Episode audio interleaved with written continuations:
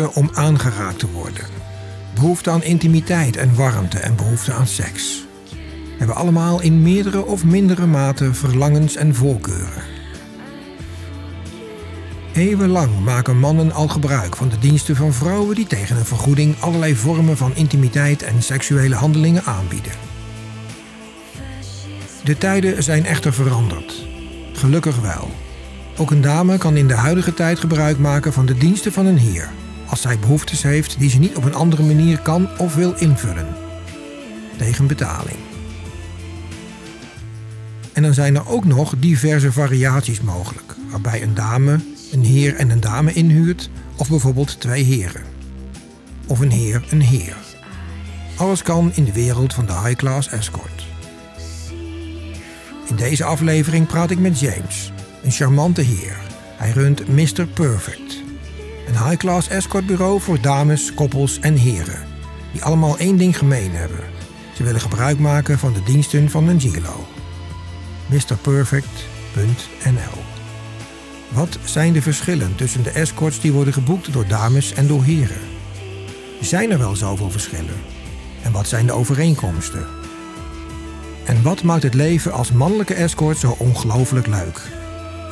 Een gezellig en open gesprek over de intrigerende wereld van de mannelijke escorts. James, welkom. Dankjewel. Jij bent uh, zelf gigolo, klopt dat? Mag ja. ik dat zo zeggen? Ja, dat klopt. Ja. Um, om helemaal bij het begin te beginnen, hoe was dat? Je op een dag een beetje wakker en toen dacht je, nu ben ik gigolo of hoe is dat gegaan? Uh, nee, dat is niet zo gegaan. Ik heb um, in uh, nou, een tijd geleden, praat ik echt over jaren terug, ben ik een, een dame tegengekomen uit Engeland. Mm -hmm. En die um, daar heb ik een leuk weekend mee gehad. Uh, een heel leuk weekend mee gehad. En, en toen lag er 100 euro op je nachtkastje de volgende dag of zo. Nou, nee, dat was, toen, dat was toen nog niet. Nee, nee ik, ik geloof zelfs dat ik alles uh, betaald heb die, uh, ah, dat weekend. Ja, dat weekend. Ja. Um, dus, maar zij heeft me op een gegeven moment weer benaderd en gezegd van... Goh, heb je zin om naar Londen te komen? En een succesvolle zakenvrouw. En ik heb daar ja op gezegd. Dus van, lijkt, mij heel, lijkt me meer dan leuk, want ik had ook een heel leuk weekend gehad. En uh, toen ik ja zei, toen zei ze van ja, maar het is wel onder bepaalde voorwaarden. En die voorwaarden waren onder andere dat ze alles uh, zou betalen, maar dat ze ook mij zou betalen voor mijn, uh, voor mijn bezoek. En nou, daar heb ik heel even over na moeten denken. En dacht van ja, maar vind ik dit wel ja, oké? Okay, of wat vind ik er eigenlijk van? En toen dacht ik van ja, waarom eigenlijk niet? Want ik heb een heel leuk weekend gehad. het is een ontzettende leuke vrouw. en als zij ervoor wil betalen, ja, wie ben ik dan om te zeggen, ja, nee, dat wil ik niet. Dan doen we dat toch, ja. Ik heb wel gevraagd, goh, waarom uh, wil je dat dan per se? Nou, dat heeft ze ook heel duidelijk aangegeven. Uh, en haar antwoord, kort en bondig samengevat, is dat het dan afgekaderd is. En dat ik niet, uh, nou ja, de, de, illusie moest hebben dat men verliefd zou worden. Of relatie. Of, Nee, totaal niet. En gewoon, ja, dit leuk. En dat hebben we een aantal keer gedaan. Dus dat was een soort female predator, zeg maar. Hè? Die, uh, gewoon, ja, eigenlijk, ja, eigenlijk wel. Ja, zo kan je het, zo kan je het zeggen. Ja. Ja. ja. Ja. dat is toch een interessant fenomeen. Maar toen dacht jij van, uh, dat is meerdere keren nog teruggekomen daarna? Of hoe is dat gegaan verder? Ja, ja dat is nog meerdere keren teruggekomen. En toen dacht ik van, ja, maar waarom zou ik het niet ook met anderen zo kunnen doen? Uh, en ja, dat is ook zo gegaan. En uh, op een gegeven moment. door de bocht, hè? Maar dat nee, zit, dus... toch, zit toch een proces. Ik bedoel, natuurlijk. Maar ik denk van. Um, dat is een ontwikkeling geweest, toch? Dat is niet, want hoe, hoe, hoe, wist, hoe wist de andere dan dat je dat betaald ging doen ineens? Hoe is dat gegaan? Nou, ik heb het toen op uh, bepaalde sites gezet. Uh, en dan kan je iemand benaderen. maar daar ben ik wel heel snel afgegaan, omdat dat nou, niet het publiek is wat je echt wil. En waarom is dat zo? Hoe zit dat dan? Nou, dat is meer voor uurtjes. Oh, uh, en dan moet je echt achter je geld aan gaan zitten. En nou, dan maken ze afspraken die ze niet nakomen. En, nee, dat is, dat is gewoon niet wat ik, uh, wat ik wil. En uh, de dame uit Engeland, die, wat ik net al zei, was succesvol zakenvrouw. Ja, dat is een hele andere dynamiek. een, een heel ander type in alles. En dat was hetgeen wat me aansprak. Dus mm -hmm. ja. Zo. Maar goed, dat, is, dat, is, dat begrijp ik. En dat, is ook, uh, dat kan me ook ontzettend goed voorstellen. Dat zijn ook vrouwen met meer bagage, hè? vaak wat intelligenter, die over dingen kunnen meepraten, neem ik aan ook. Ik kon ja. een leuk gesprek met haar hebben ja, waarschijnlijk. Absoluut. Ja. Want dat hoor ik ook van de high-class escorts terug, dames. Ja. dat ze dus ook gewoon een intelligente, leuke man hebben, vaak. Dat, niet, uh, dat is een leuke bijkomstigheid natuurlijk. Nou ja, ik denk dat als je gaat kijken naar uh, de prijzen, om het daar maar gelijk bij te pakken. Die zijn natuurlijk niet kinderachtig. Het is niet voor iedereen weggelegd. Dus je moet wel ergens een zakcentje hebben om dit te kunnen betalen. En als je kijkt naar mannen die een vrouw boeken, uh, dat weet ik uit uh, betrouwbare bron. Ik heb een, een, een, partner, business partner, die een high-class escort bureau heeft. dus ik zie ook wat voor type mannen boeken. Mm -hmm. ja, dat zijn zelf allemaal succesvolle zakenmannen. Of ze hebben een eigen bedrijf, of ze werken voor een, een multinational of whatever. Veel advocaten, nou, ga zo maar door. Dus die hebben ook inhoud en die willen ook graag inhoud. Die hebben geen zin in een dame uh, ja, die alleen maar leuk zit te doen en, en alleen een beetje ja niet. Nee, die willen een, een, een gesprek aan. Nou, dat kan. En dat is met de dames precies hetzelfde. Mhm.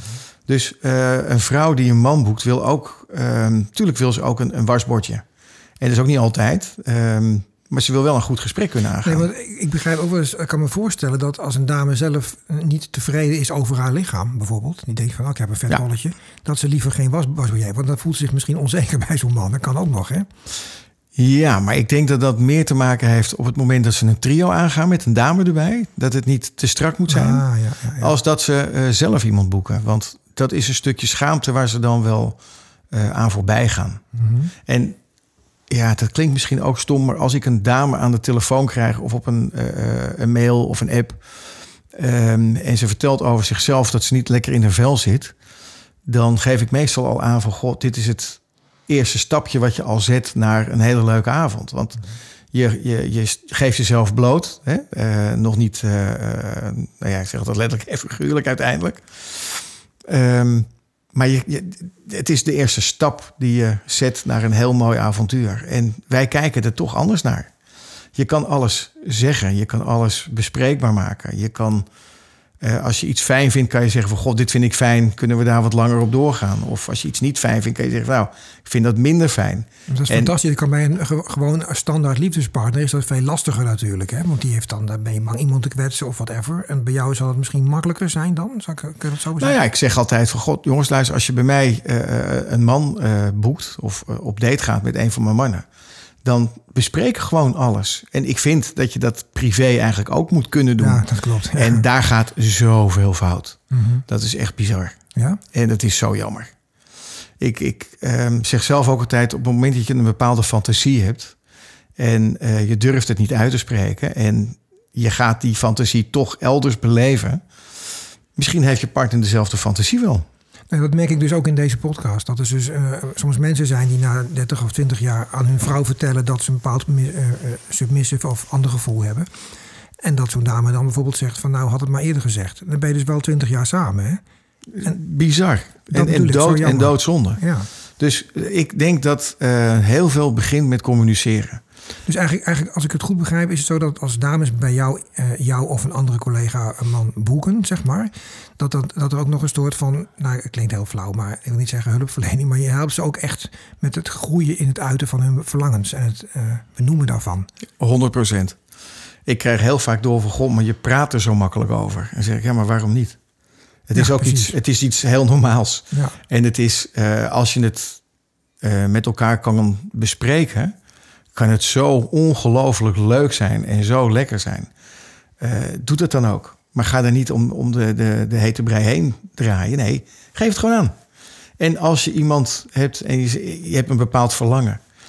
En dat verlangen is niet bij je partner. Dan heb je het uitgesproken. En dan kan je stap 2 ingaan. En dan kan je zeggen van nou, ik zou dat wel graag willen ervaren. Hoe kunnen we dat dan doen? Op een veilige manier. Nou, dat is in mijn ogen is dat het boeken van een high-class escort of van een high-class gigolo. Allemaal ja, afgekaderd. Precies. Ja, dat is inderdaad een hele goede dat je dat zegt. Omdat je natuurlijk ook binnen de... Want ik refereer natuurlijk heel veel aan de kink... omdat daar deze podcast voor een deel over gaat. Maar dat je dus merkt dat mensen die bijvoorbeeld ook... Uh, bijvoorbeeld afwijkend gevoel van hun partner hebben... een ander gevoel, andere fantasie hebben dat hun partner vaak zegt van nou dat mag je dan van mij gaan uitleven binnen de kink zien. Ik noem maar iets. Hè. Dus dan kan iemand op zoek gaan. Maar er zit altijd een risico aan dat je inderdaad terechtkomt bij. We hebben uh, een tijdje geleden een podcast gehad over een, uh, een escort dame die met een narcistische manipulatie te maken kreeg. Uh, dat heeft ze ook allemaal zelf ontdekt. Maar dat is eigenlijk misgegaan. Als zij dat met een escort had bedacht, had uitgevonden, was het natuurlijk veel beter verlopen. Nou, ik weet niet of, of je dat zo mag zeggen of het beter ja, verlopen zou zijn. stelling altijd. Dus ja, dat goed nee, nee, nee, maar het is, ja, het, het was waarschijnlijk anders gelopen en het is natuurlijk afgekaderd. Mhm. En wat ik met het afgekaderde bedoel is dat um, ik krijg bijvoorbeeld stellen waarvan uh, nou ja, ze al 34 jaar, 35 jaar samen zijn, uh, nog nooit met een ander iemand uh, iets ervaren hebben en dat toch graag zouden willen. Nou, dat zijn dan stellen die het wel besproken hebben met elkaar, die wel het gesprek aangegaan zijn. Uh, niet bang zijn voor uh, de reacties. Dus dat is al stap één. Dat is ja, al heel mooi. Ja. Uh, en dan wordt er gezegd van nou weet je wat, laten we het inderdaad eens een keer gaan onderzoeken. Ik boek een high-class escort, boek jij een high-class gigolo. En op die nou, manier ja, gaat het op een veilige wijze, nemen ze contact met ons op. Uh, er wordt het een en ander geregeld. Uh, maar de dame in kwestie heeft geen telefoonnummer van de heer die op bezoek komt. Ah, geniaal. Dus kunnen we dus, naar de hand nog verder daten of zo? Precies dat. Het is niet een appje achteraf van... goh, want was het gezellig. Zullen we morgen nog anders even afspreken voor een kop koffie? Mm Want dan begint het... Ja, ik zeg altijd gezeik. Ja, mag je zeggen. Ja. In deze podcast mag je alles benoemen. Nou, in dat geval, dan begint het gezeik en het gezeur. En dan is het weer van... ja, waarom, waarom niet en waarom dit en waarom dat? Nee, het is gewoon... je weet waar je toe bent. Je weet wat je afgesproken hebt. Um, ook juist daarom is het zo fijn. Omdat je dan tijdens zo'n date kan zeggen van... nou ik zou graag dit willen ervaren. Ik bedoel, er zijn stellen bij waarvan ik weet dat er eh, bijna niet meer gezoend wordt. Ja, klopt. Ik, ja. Ik, ja, mijn persoonlijke mening is: als je niet meer zoent, waarom ben je dan nog bij elkaar? Zoenen is zo intiem. Ja, klopt. Dat, dat is, uh, eigenlijk is dat next level. Dus, nou ja, goed. Uh, dan willen ze graag zoenen. Zou je dat intiemer willen benoemen dan uh, het neuken zelf, zeg maar? Of ja. ja. En waarom vind je dat? Omdat je met zoenen zit je zo dicht bij elkaar. Je, je, je gezichten zitten. je voelt de huid en zo. Je voelt alles. je kijkt elkaar in de ogen. nou ja ik kan het misschien niet goed omschrijven. Nou, maar ik, ik, vind het, ik, vind, ik vind gewoon voor mezelf ook. Ik vind zoenen vind ik echt vaak veel intiemer dan, dan seks. Maar is dat ook een reden waarom bijvoorbeeld vrouwelijke escorts, tenminste, dat is het standaard verhaal, hè, dat ze dus niet zoenen met klanten? Heeft dat daarmee te maken ook? Denk je? Nou, het, ik denk dat je in het high-class segment weet ik dat er, uh, dat er gezoend wordt. Mm -hmm. uh, tenzij de klant het niet wil. Kijk, als je in een, uh, in een situatie terechtkomt waar een trio bijvoorbeeld, dan ik vraag altijd aan het begin van, goh, uh, hebben jullie afspraken gemaakt? En dan zijn er best wel wat afspraken gemaakt in de zin van, nou, ik zoenen is een no-go. De rest mag, maar zoenen niet. Nou, dan hou ik me daaraan. Dan wordt er niet gezoend. En wat doe je als bijvoorbeeld... Een, het is een trio met een man. Er zijn twee mannen en een vrouw dan. Hè? Ja, dan kom jij erbij ja, als tweede man. waar het dan wel draait om de vrouw. Nee, precies. Maar is het dan zo... Um, zijn die mannen dan bijvoorbeeld ook bi... Uh, gierig, hoe zeg je dat? Nee. nee, dat niet? Nee, nee, totaal niet. Oh, interessant. Nee, totaal niet. En dat over zoenen had dat je misschien wel met een man mag zoenen, maar niet met een vrouw, noem maar iets, weet je wel. Dat, nee, uh... nee. Er, zijn, er zijn wel uh, biseksuele mannen bij. Uh, ik heb ook een aantal mannen uh, in mijn bestand staan die uh, biseksueel zijn. Oh ja, leuk. Ja. Ehm, dus die gaan daar dan naartoe. zelf ben ik dat niet. Dus ik ga alleen maar naar hetero-koppels. En dan gaat alle aandacht gaat naar de vrouw. En dan wordt er bijvoorbeeld tussen mij en de dame wordt er niet gezoend. De rest is allemaal oké, okay, maar dat stukje is ja, speciaal voor haar partner. Maar dan kan ik me zo voorstellen, ik, ik, probeer het even dan te visualiseren voor mezelf. Dat er dus een soort uh, standje plaatsvindt waarin zij haar man aan het zoenen is en jij bent haar aan het neuken of zo. Of hoe, dat soort dingen gebeurt dan wel.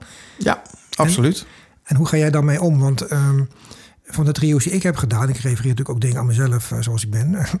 ah, dat doet iedereen natuurlijk vanuit zijn eigen referentiekader. Um, maar dan denk ik van, die man, moet je, hoe doe je dat als man?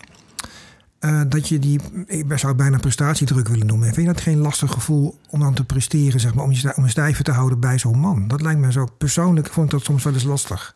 Uh, nee, want ik doe niks met een man. Nee, dat snap dus ik, maar hij is wel ik, aanwezig, hè? Ja, maar dat... Uh, of die schakel je uit of zo? Ja, ja ik weet niet hoe ik dat doe. Die schakel ik denk ik inderdaad uit. Ja. Het, de aandacht gaat naar de vrouw. Kijk, en je moet het ook zo zien, hè? Als, als wij uitgenodigd worden bij een, uh, een koppel uh, of het nou een, een, man is die uitgenodigd wordt bij een koppel of een vrouw die uitgenodigd wordt bij een koppel. Uh, je wordt uitgenodigd bij uh, een stel ehm, wat ja, ware liefde, zeg maar. anders kan je dit niet doen. Nee, dat bedoel ik, ja. Precies. En op het moment dat je, dat heb ik tenminste persoonlijk, op het moment dat je de dynamiek tussen het stel ziet en eigenlijk heel plat gezegd de geiligheid die naar boven komt omdat nou, de vrouw seks heeft of intiem is met een andere man. Of dat de, de, er een dame bij is die dan weer intiem is met de dame en met een andere man. Ja, dat is gewoon iets, echt iets super moois om te zien. En daardoor blijf ik zelf ook opgewonden en heb ik ook geen last van de man.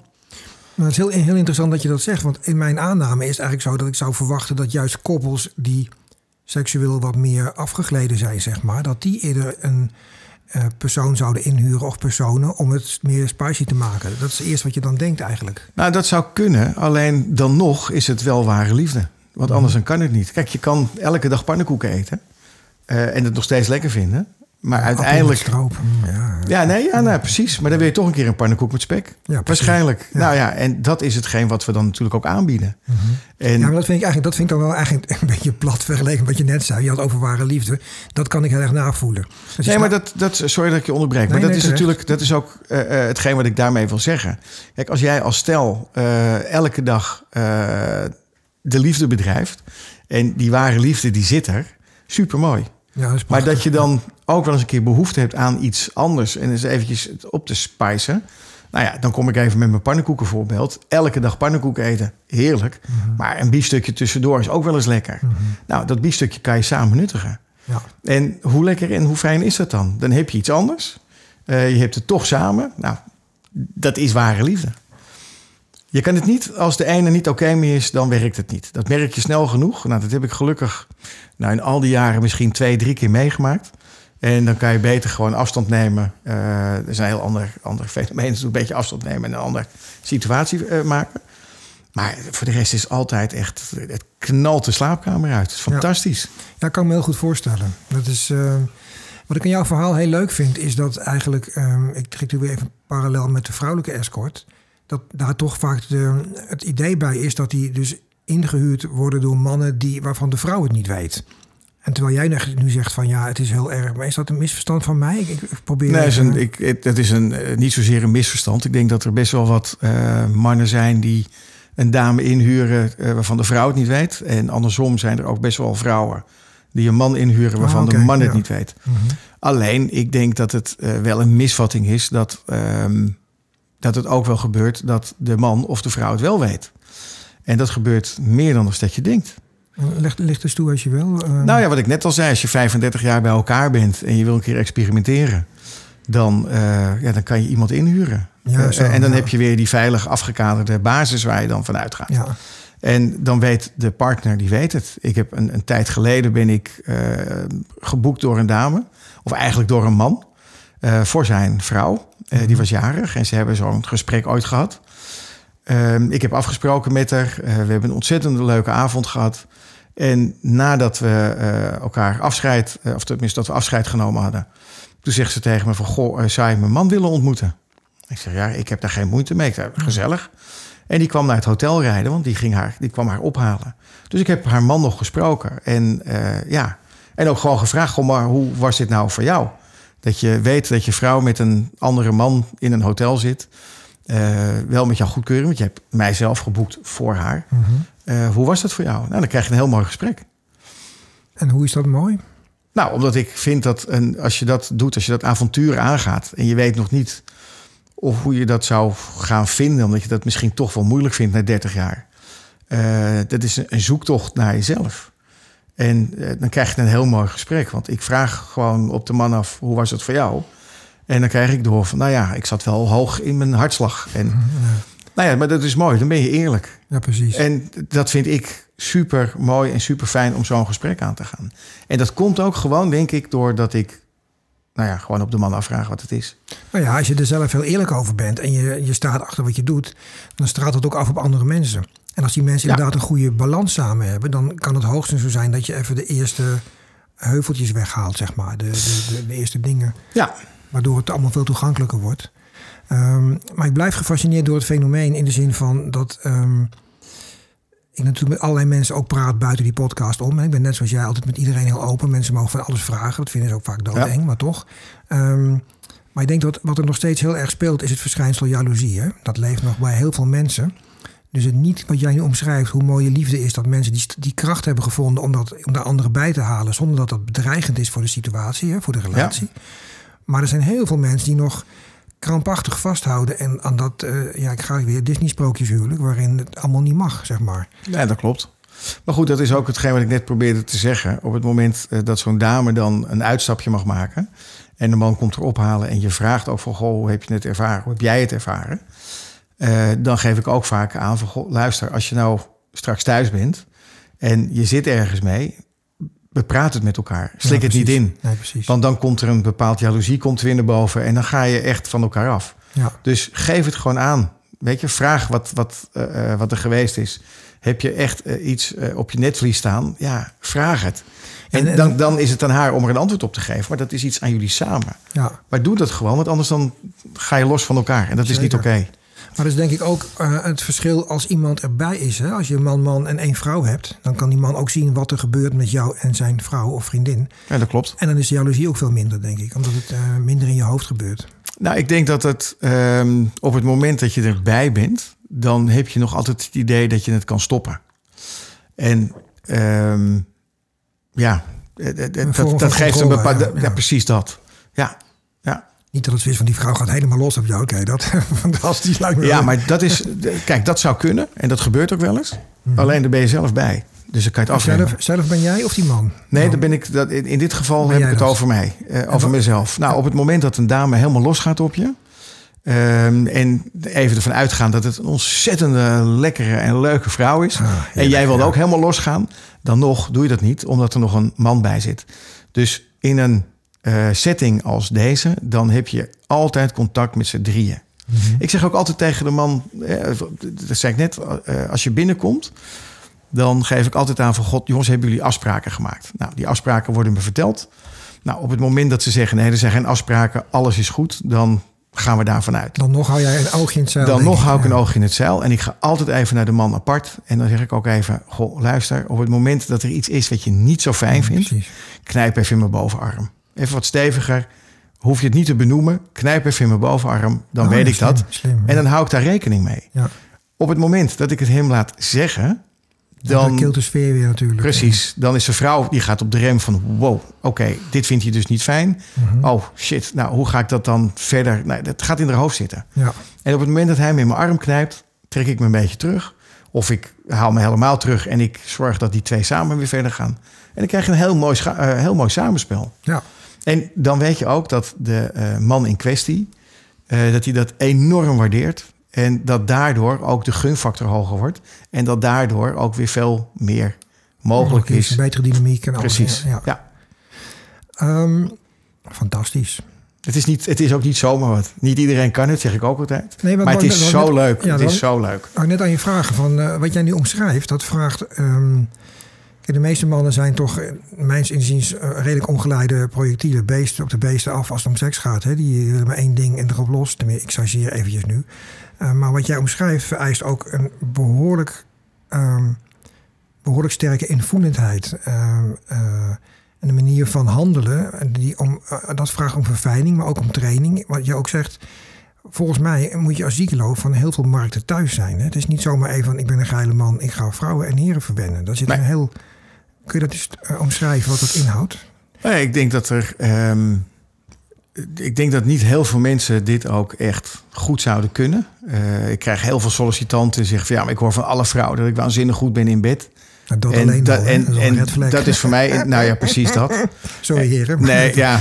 En dan denk ik van ja, oké, okay, uh, maar dit, dat is niet alles. Het, het gaat om zoveel meer. En dat heb je of dat heb je niet. Uh, ik vind het tot nu toe met uh, alle mannen die, uh, waarmee ik samenwerk, laat ik het zo zeggen, um, heb ik nog Marcel gehad. Ik heb er misschien één of twee gehad ooit. Denk ik, mm, nou, die zijn inmiddels ook weg. Nou, dat was ja, niet helemaal zoals het moeten. Mhm. Maar ja, dat weet je na één of twee dates. En uh, als die dates niet goed gegaan zijn, of in ieder geval minder positief gelopen zijn als dat de klant had verwacht had, mm-hmm. dan los ik dat ook op een, een goede manier op. Uh, en voor de rest zijn het allemaal mannen die inderdaad wel de empathie maar, hebben en die wel weten wat ze moeten doen. Mhm. En daarbij, we proberen ze ook um, voordat ze het veld ingaan, ja, probeer ik ze wel wat kneepjes mee te geven uh, waar je op moet letten. Ja, want ik heb ook een, een podcast gemaakt, dat hadden we volgens mij in het voorgesprek ook besproken met de, de jongens van Nieuw Tantra. Ja. En was ook Timo bij. Timo ken je ook, begreep ik, hè?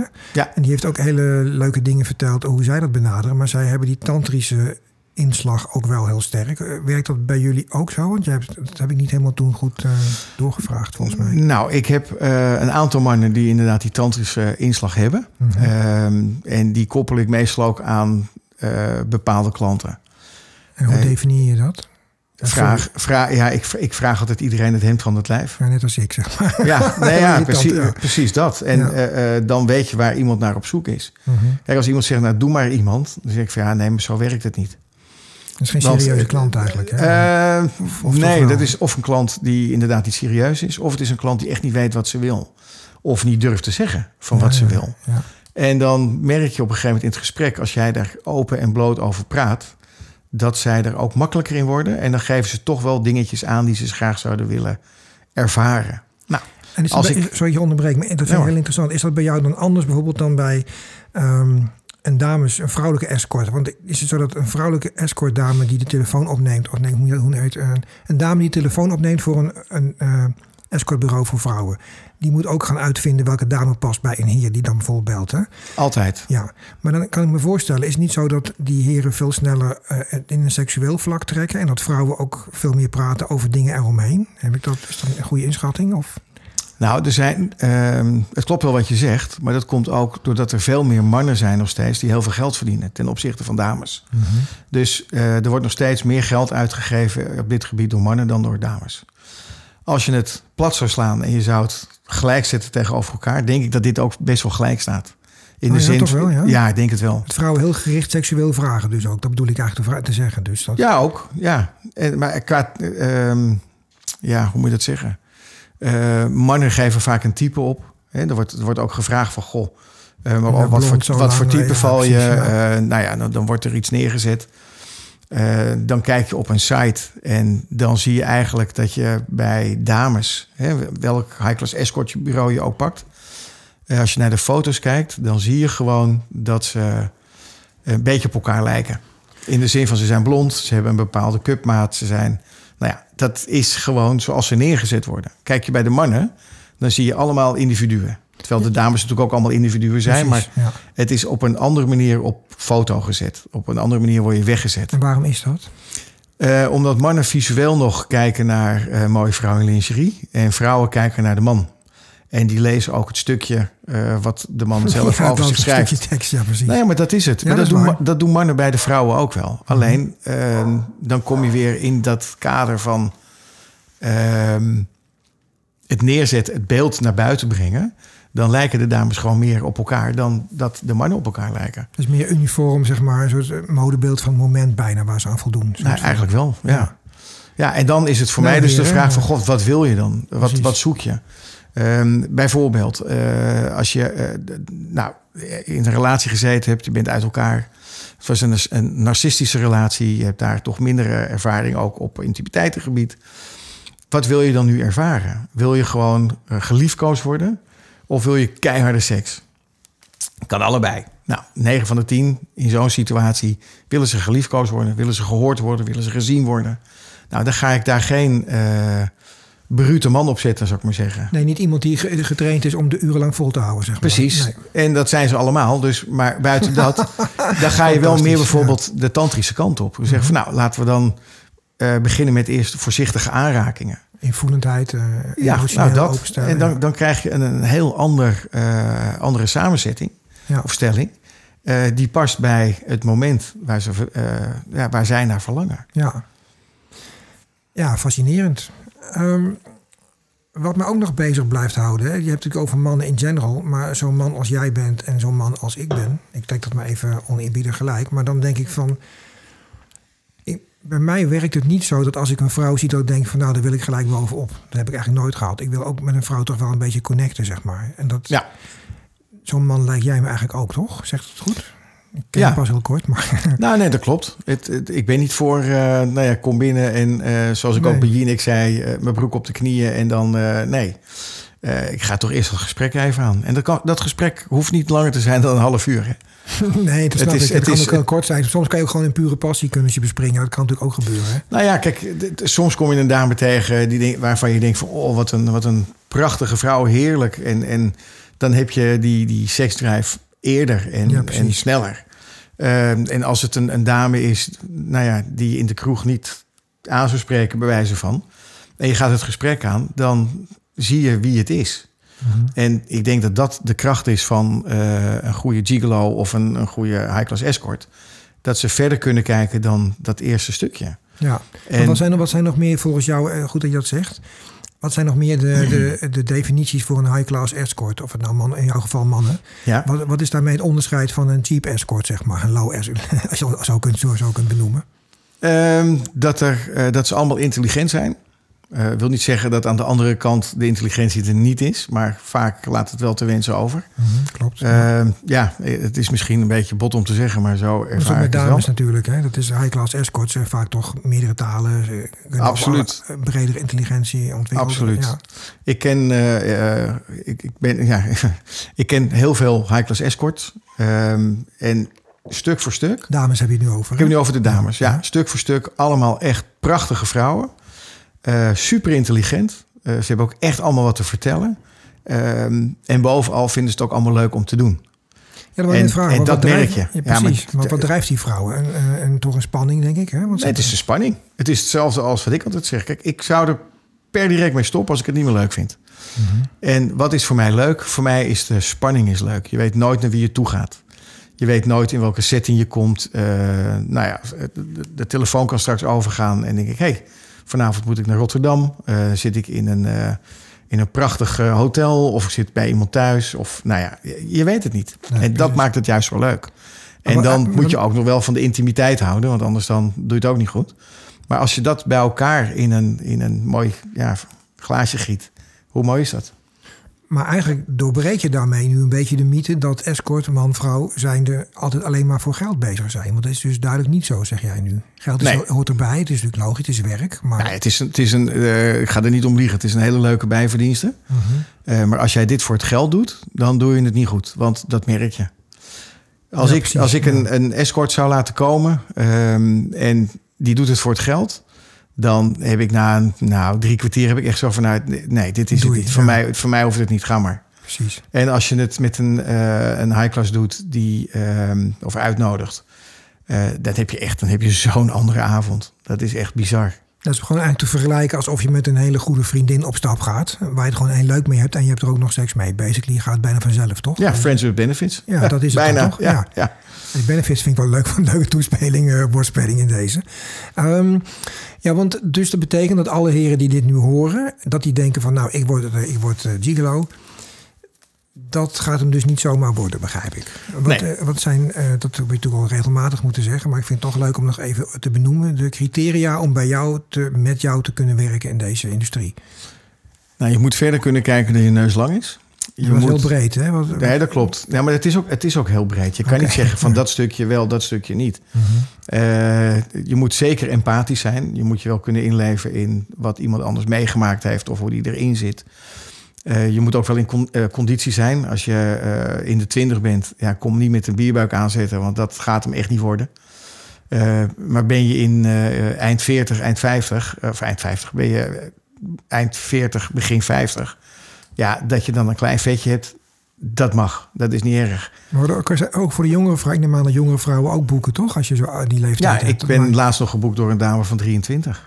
Nou, nou willen we alles van weten, luisteraars. Nee, geintje. Maar, Ja, ja, het is een, superleuke boeking, superleuke date. En die dame wilde gewoon geschoold worden in, eh, Oh, ja, ja. in het gebied van intimiteit. En die valt op oudere mannen. En die heeft ook nog eens zo ja, dat is misschien ook een beetje meer wijsheid en meer eh, levenservaring. Dus ja, alle leeftijden boeken.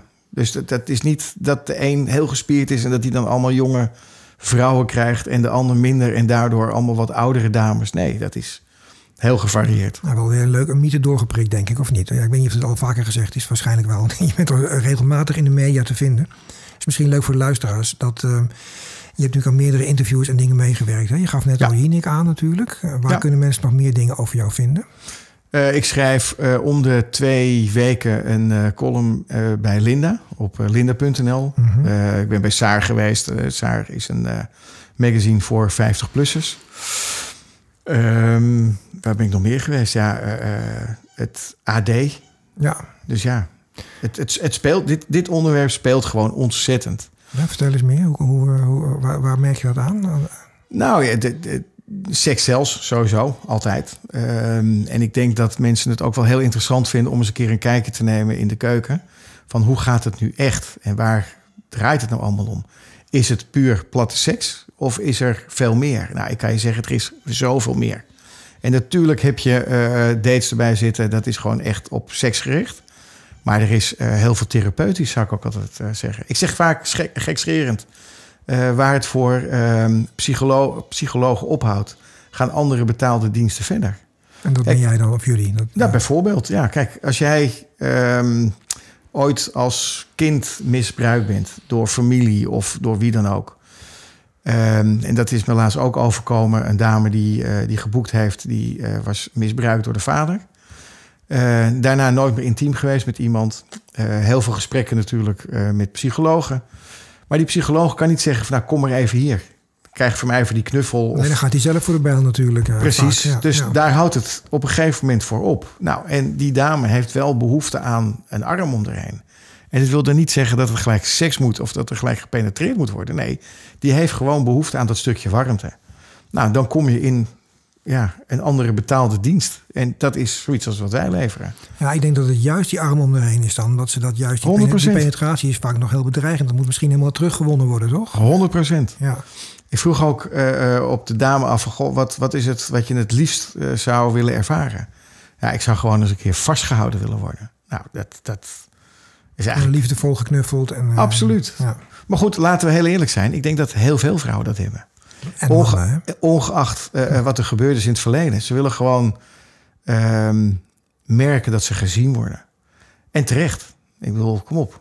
Weet je, mannen, uh, doe eens wat aardigers tegen, je, tegen de vrouw. Nou, helemaal mee eens. Laat eens even zien dat je er bent en dat je er waardeert. En geef eens een keer die knuffel. En uh, ja, weet je, het, het, het, is bizar. Maar als wij, als ik kijk naar um, de ervaring die ik nu heb. En iemand, uh, ik ben op date geweest bij een dame. Uh, en we liggen. is weer een andere dame nu, is een willekeurige. Het is gewoon een willekeurige ja, dame. Ja, ik ben bij een willekeurige dame ben ik op date geweest. En we zijn, uh, we hebben een hele leuke avond gehad samen. Er is van alles gebeurd. En we liggen lekker op bed, liggen we even na te praten. Als ik een dame dan een, een zoen op de arm geef, dan worden ze stil. En dan kijken ze me aan en zeggen: Waar is dat voor? Nou, omdat ik het gezellig heb. Ja. En omdat ik oprecht een gezellige en leuke avond heb gehad. Maar wie zegt dat ooit tegen je? Nee, maar, Snap je? Nou ja, dus niet. Nee, dat en, en daar raken ze al in principe al van, van slag. Nou, dan denk ik, jongens, hoe... hoe, ja, nou, durf het, beetje... Ik durf het bijna niet te zeggen, maar ik vind het eigenlijk heel triest. Nou, ik durf het wel te zeggen en ik vind het heel triest. En ik vind het bijna ook weer een gevolg van hoe we tegenwoordig leven. In een soort van, alleen al het woordje cancelcultuur. Dat vind ik al iets absurds. Of ja. hatefluencers, mensen die maar iemand haten. Besef je de waarde van het woord haat wel, denk ik dan, weet je wel. Ik vind het volkomen kansloze dingen, waardoor mensen ook ja, bijna al. Uh, ik, ik, ben trouwens wel heel erg voor sociale media hoor. Dat wordt altijd afgebrand. Maar ik denk dat er ook heel veel goede dingen door sociale media kunnen. Dus dat is niet zo één, uh, eenrichtingsverkeer of eenzijdig als ik, als ik het misschien nu laat klinken. Maar ik vind het een teken aan de wand dat mensen dus gewoon door. Ondanks alle mogelijkheden, op een of andere manier de intimiteit en de ja, en, en aanraking lijken te verliezen. Zo ervaar ik dat soms. Ja, maar we worden, ik heb af en toe ook het idee dat we preutser worden in, uh, in, Zo, in ja, Nederland. Dat is echt bizar. Ja. Dat ik echt van jongens, hallo, kom op zeg en praat er eens gewoon over. Klopt. En als je het hebt over uh, media, over social media, noem maar op. Uh, wat ik een heel mooi voorbeeld vind, is dat, uh, nou ja, we net al zeiden, ik ben bij Jinek geweest. Hoeveel tijd had je daar voor jouw gesprek? 10 minuten of zo gemiddeld? Heb nee, dat is, dat is volgens mij best uitgelopen. Het was langer dan ik dacht. En, ja, want het, het, kan bijna niet in de tijd die zij ervoor inplannen vaak. Nee, nooit. nooit. Dat is gewoon niet te doen. Nee. Want jouw verhaal is veel breder. Uh, ja, maar ik vond, uh, ik vond het oprecht. Ik vond het heel spannend dat ik erheen ging. Uh, want je weet toch nooit, het is live. Dus je weet ook niet wat er gevraagd nee, gaat worden. Precies, ja. uh, in grote lijnen natuurlijk wel, maar niet. Ja, er kan altijd een, een bepaalde wending aangegeven worden. Ja. Uh, dus ik vond het heel spannend, maar ik, ik, voelde me wel erg op mijn gemak en welkom uh, bij haar. Omdat er ook echt wel de tijd voor genomen werd. -huh. Vond ik super mooi. En wat ik dan uh, die, de, de, ik heb natuurlijk een, een, website en dan kan ik ook zien wat er nou ja, aan bezoekers dan binnenkomt. Statistieken, ja. Nou, die statistieken die, die sloegen goed uit. Uh, super mooi om te zien. Dus dan denk je van, nou, dan heeft het ook nog een keer zin gehad. Ja, want je zeker. probeert toch iets te vertellen. En een dag later was ik bij VI, geloof ik, kwam ik te sprake. En daar werd ik tot op mijn enkels afgezaagd. Uh, oh, echt, joh? Uh, en dan denk ik, jezus jongens, sorry hoor. Maar jullie weten absoluut niet waar je het over hebt. Nou snap ik jullie programma, want het is een beetje simpel. En dan moet die oude snor ook maar eens een keertje niet uit een biertje halen. Snap je? Nee, maar, ja, maar precies dat. En eh, als je dan in gesprek zit aan de tafel, doe je zonnebril af. Hè? Nou, dat soort dingen, ja. Uh, maar goed, dat, is, dat is iets anders. Maar dan krijg je iedereen afzeiken. Dat is natuurlijk een beetje hun uh, mantra. Dat is hun, natuurlijk, dat is prima. Maar goed, dan kijk ik weer op mijn website. En dan kijk ik weer in de, in de backend. En dan zie ik dat uh, het aantal bezoekers uh, verdrievoudigd is. dat ik denk van ja, negatieve aandacht of publiciteit is ook publiciteit. En gelukkig zijn er dan uh, kijkers van hun die dan toch de moeite nemen om zelf te kijken. En dan wellicht een eigen oordeel gaan geven over datgene wat ze zien. Nou ja, dat mag je dan hopen inderdaad, maar de kans is Nou, ik heb nog steeds een bestaansrecht, dus daar ga ik wel vanuit. Uh, ik ook. Maar, ja, ja. maar dat is, uh, ja, ik heb dus jaren voor die media gewerkt. Ja. Dat, is, dat is een van de redenen waarom ik dat heb afgebouwd en gestopt ben uiteindelijk. Omdat ik niet meer kon tegen het manipulatieve daarvan. Of het inderdaad scoren. Hè, want het is ook een deel scoren natuurlijk. Alles. En uh, dat is eigenlijk, ik heb het 180 graden omgedraaid en ben ik dit gaan doen. Dus ik probeer net zoals jij hiermee mensen te helpen.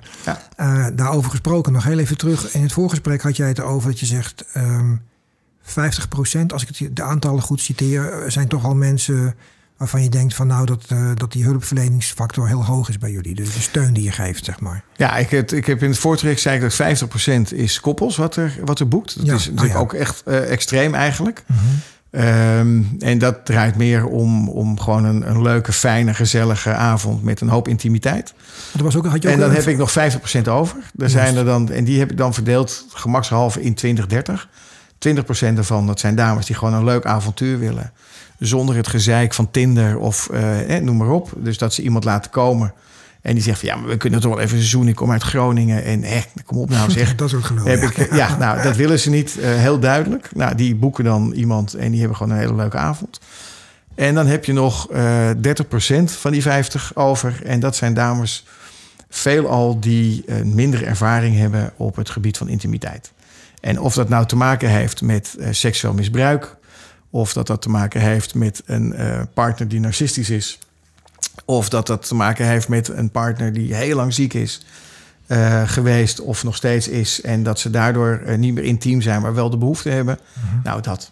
Ja. En dat is een hele grote groep. En die 30% waar ik het dan over heb, die dan bij mij boekt. En dan praat ik niet over 30% van de hele markt. Want als ik dat zou hebben, dan heb ik echt zoveel tekort mannen. Dat is echt bizar. Ja.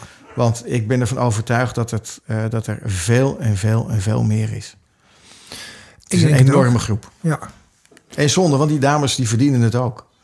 Ja, natuurlijk. En ik denk ook dat het... Maar wat ik vooral bijzonder vind, is dat... Um, dat opofferingsgedrag wat er voor een deel in zit. En dat ik denk van ja, je, je hebt er inderdaad, je verdient het zeker. Maar dat ze het ook niet echt gaan onderzoeken. Dat is zo jammer. Hè? Het gaat misschien ook om geld. Dat is ook heel hard natuurlijk. Financieel is ook een dingetje. Maar ook, je kunt dat ook onderzoeken misschien buiten de Gigolo services om. Je zou ook met een man gewoon eens intimiteit kunnen zoeken. Ja, maar dat vinden ze dan weer moeilijk. Omdat daar... Um... Verliefdheid, verliefdheid. Nou ja, verliefdheid of uh, uh, men heeft toch andere ideeën. Hè? Waar we het mm -hmm. net over hadden, bijvoorbeeld met Tinder. Uh, mm -hmm. Nou noem ik alleen maar Tinder. En er zijn natuurlijk veel meerdere dating apps. Uh, maar dat je gaat zitten swipen naar links, naar rechts. Je denkt van nou, ik heb iemand gevonden, leuk, ga er een keer heen. En dan draait het eigenlijk alleen maar om seks. Ja, precies. En dat is iets wat ze wel willen, maar toch ook weer niet willen. Want ze willen meer dan dat. En dan kom je weer. Ze willen gezien worden. Ze willen gehoord worden. En uh, gewoon normaal als normaal persoon behandeld te worden. Ja, en ik denk dat daar heel vaak misgaat. Omdat het, wat we net al even aanstipten, cultureel momenteel een dingetje in, in die... Uh, omdat het lijkt inderdaad of iedereen preutser wordt. En dat er een bepaald soort aanname is van hoe je je moet gaan gedragen. Hè? Kinderen worden opgevoed met porno, uh, waardoor je denkt dat het zo moet. Dat soort dingen ook al. Ja, maar het is wel grappig dat je dit zegt. Want kinderen worden er niet meer opgevoed. Die zien het op internet. Mm -hmm. En uh, ik verbaas me ten zeerste. Ja, ja. Uh, ik heb al eerder gezegd, ik heb twee kinderen. Uh, die zijn dan nog jong. Maar ik probeer ze wel mee te geven dat seks oké okay is. En dat seks ontzettend leuk is. En dat het fijn moet zijn om, om te doen. En het verbaast mij gewoon zo ongelooflijk. Dat als uh, je ouders vragen van... Goh, hebben jullie je kinderen seksuele voorlichting gegeven? En ze zeggen ja. Maar wat heb je dan gezegd? Nou, dat ze een condoom moeten gebruiken, dat ze uh, de pil moeten slikken. ja. En er wordt niets gezegd van, goh, uh, nou, als je een, een, een dame of als je een meisje oraal bevredigt, ga er niet als een hond lopen likken. Nee, doe het dan met passie en geef een beetje druk. Uh, doe er nog twee vingers bij. En, want dat vindt een dame in het algemeen veel lekkerder. Precies. Waarom mag dat niet gezegd worden? Hou op, geef het juist aan. Daar gaat het om. Ja, maar ik denk dat die ouders zelf ook in dat dingetje zitten van dat ze die schaamte daarvoor hebben of dat ja, niet durven te bespreken. Er zijn allerlei redenen waarom mensen er niet over praten. Hè? Dat is best nee, omdat het, omdat het nog altijd uh, een enorm taboe op rust. Ja. Uh, kijk, we moeten allemaal trouwen. En je trouwt en dan ben je... Uh, eeuwig trouw. Ja, eeuwig trouw. Dan ben je monogaam met elkaar. Ja, zeker. Ik kan je zeggen, ik geloof niet meer in monogamie. Ik geloof wel in monogamie, maar in monogame liefde. Dus ik heb één liefdespartner, zie ik voor me. Mm -hmm. En dat je daarnaast uh, nog andere uitstapjes kan maken. Ja, daar geloof ik in. Nou, ik ook luisteraars, even om dat toe te lichten. Daar ben ik het helemaal mee eens. Maar dat is ook een groeiproces. Hè? Dat is niet iets wat je... ik heb het idee dat, um, uh, wat jij net zegt, door dat huwelijk en de, de dogma's en de aannames die daarbij horen.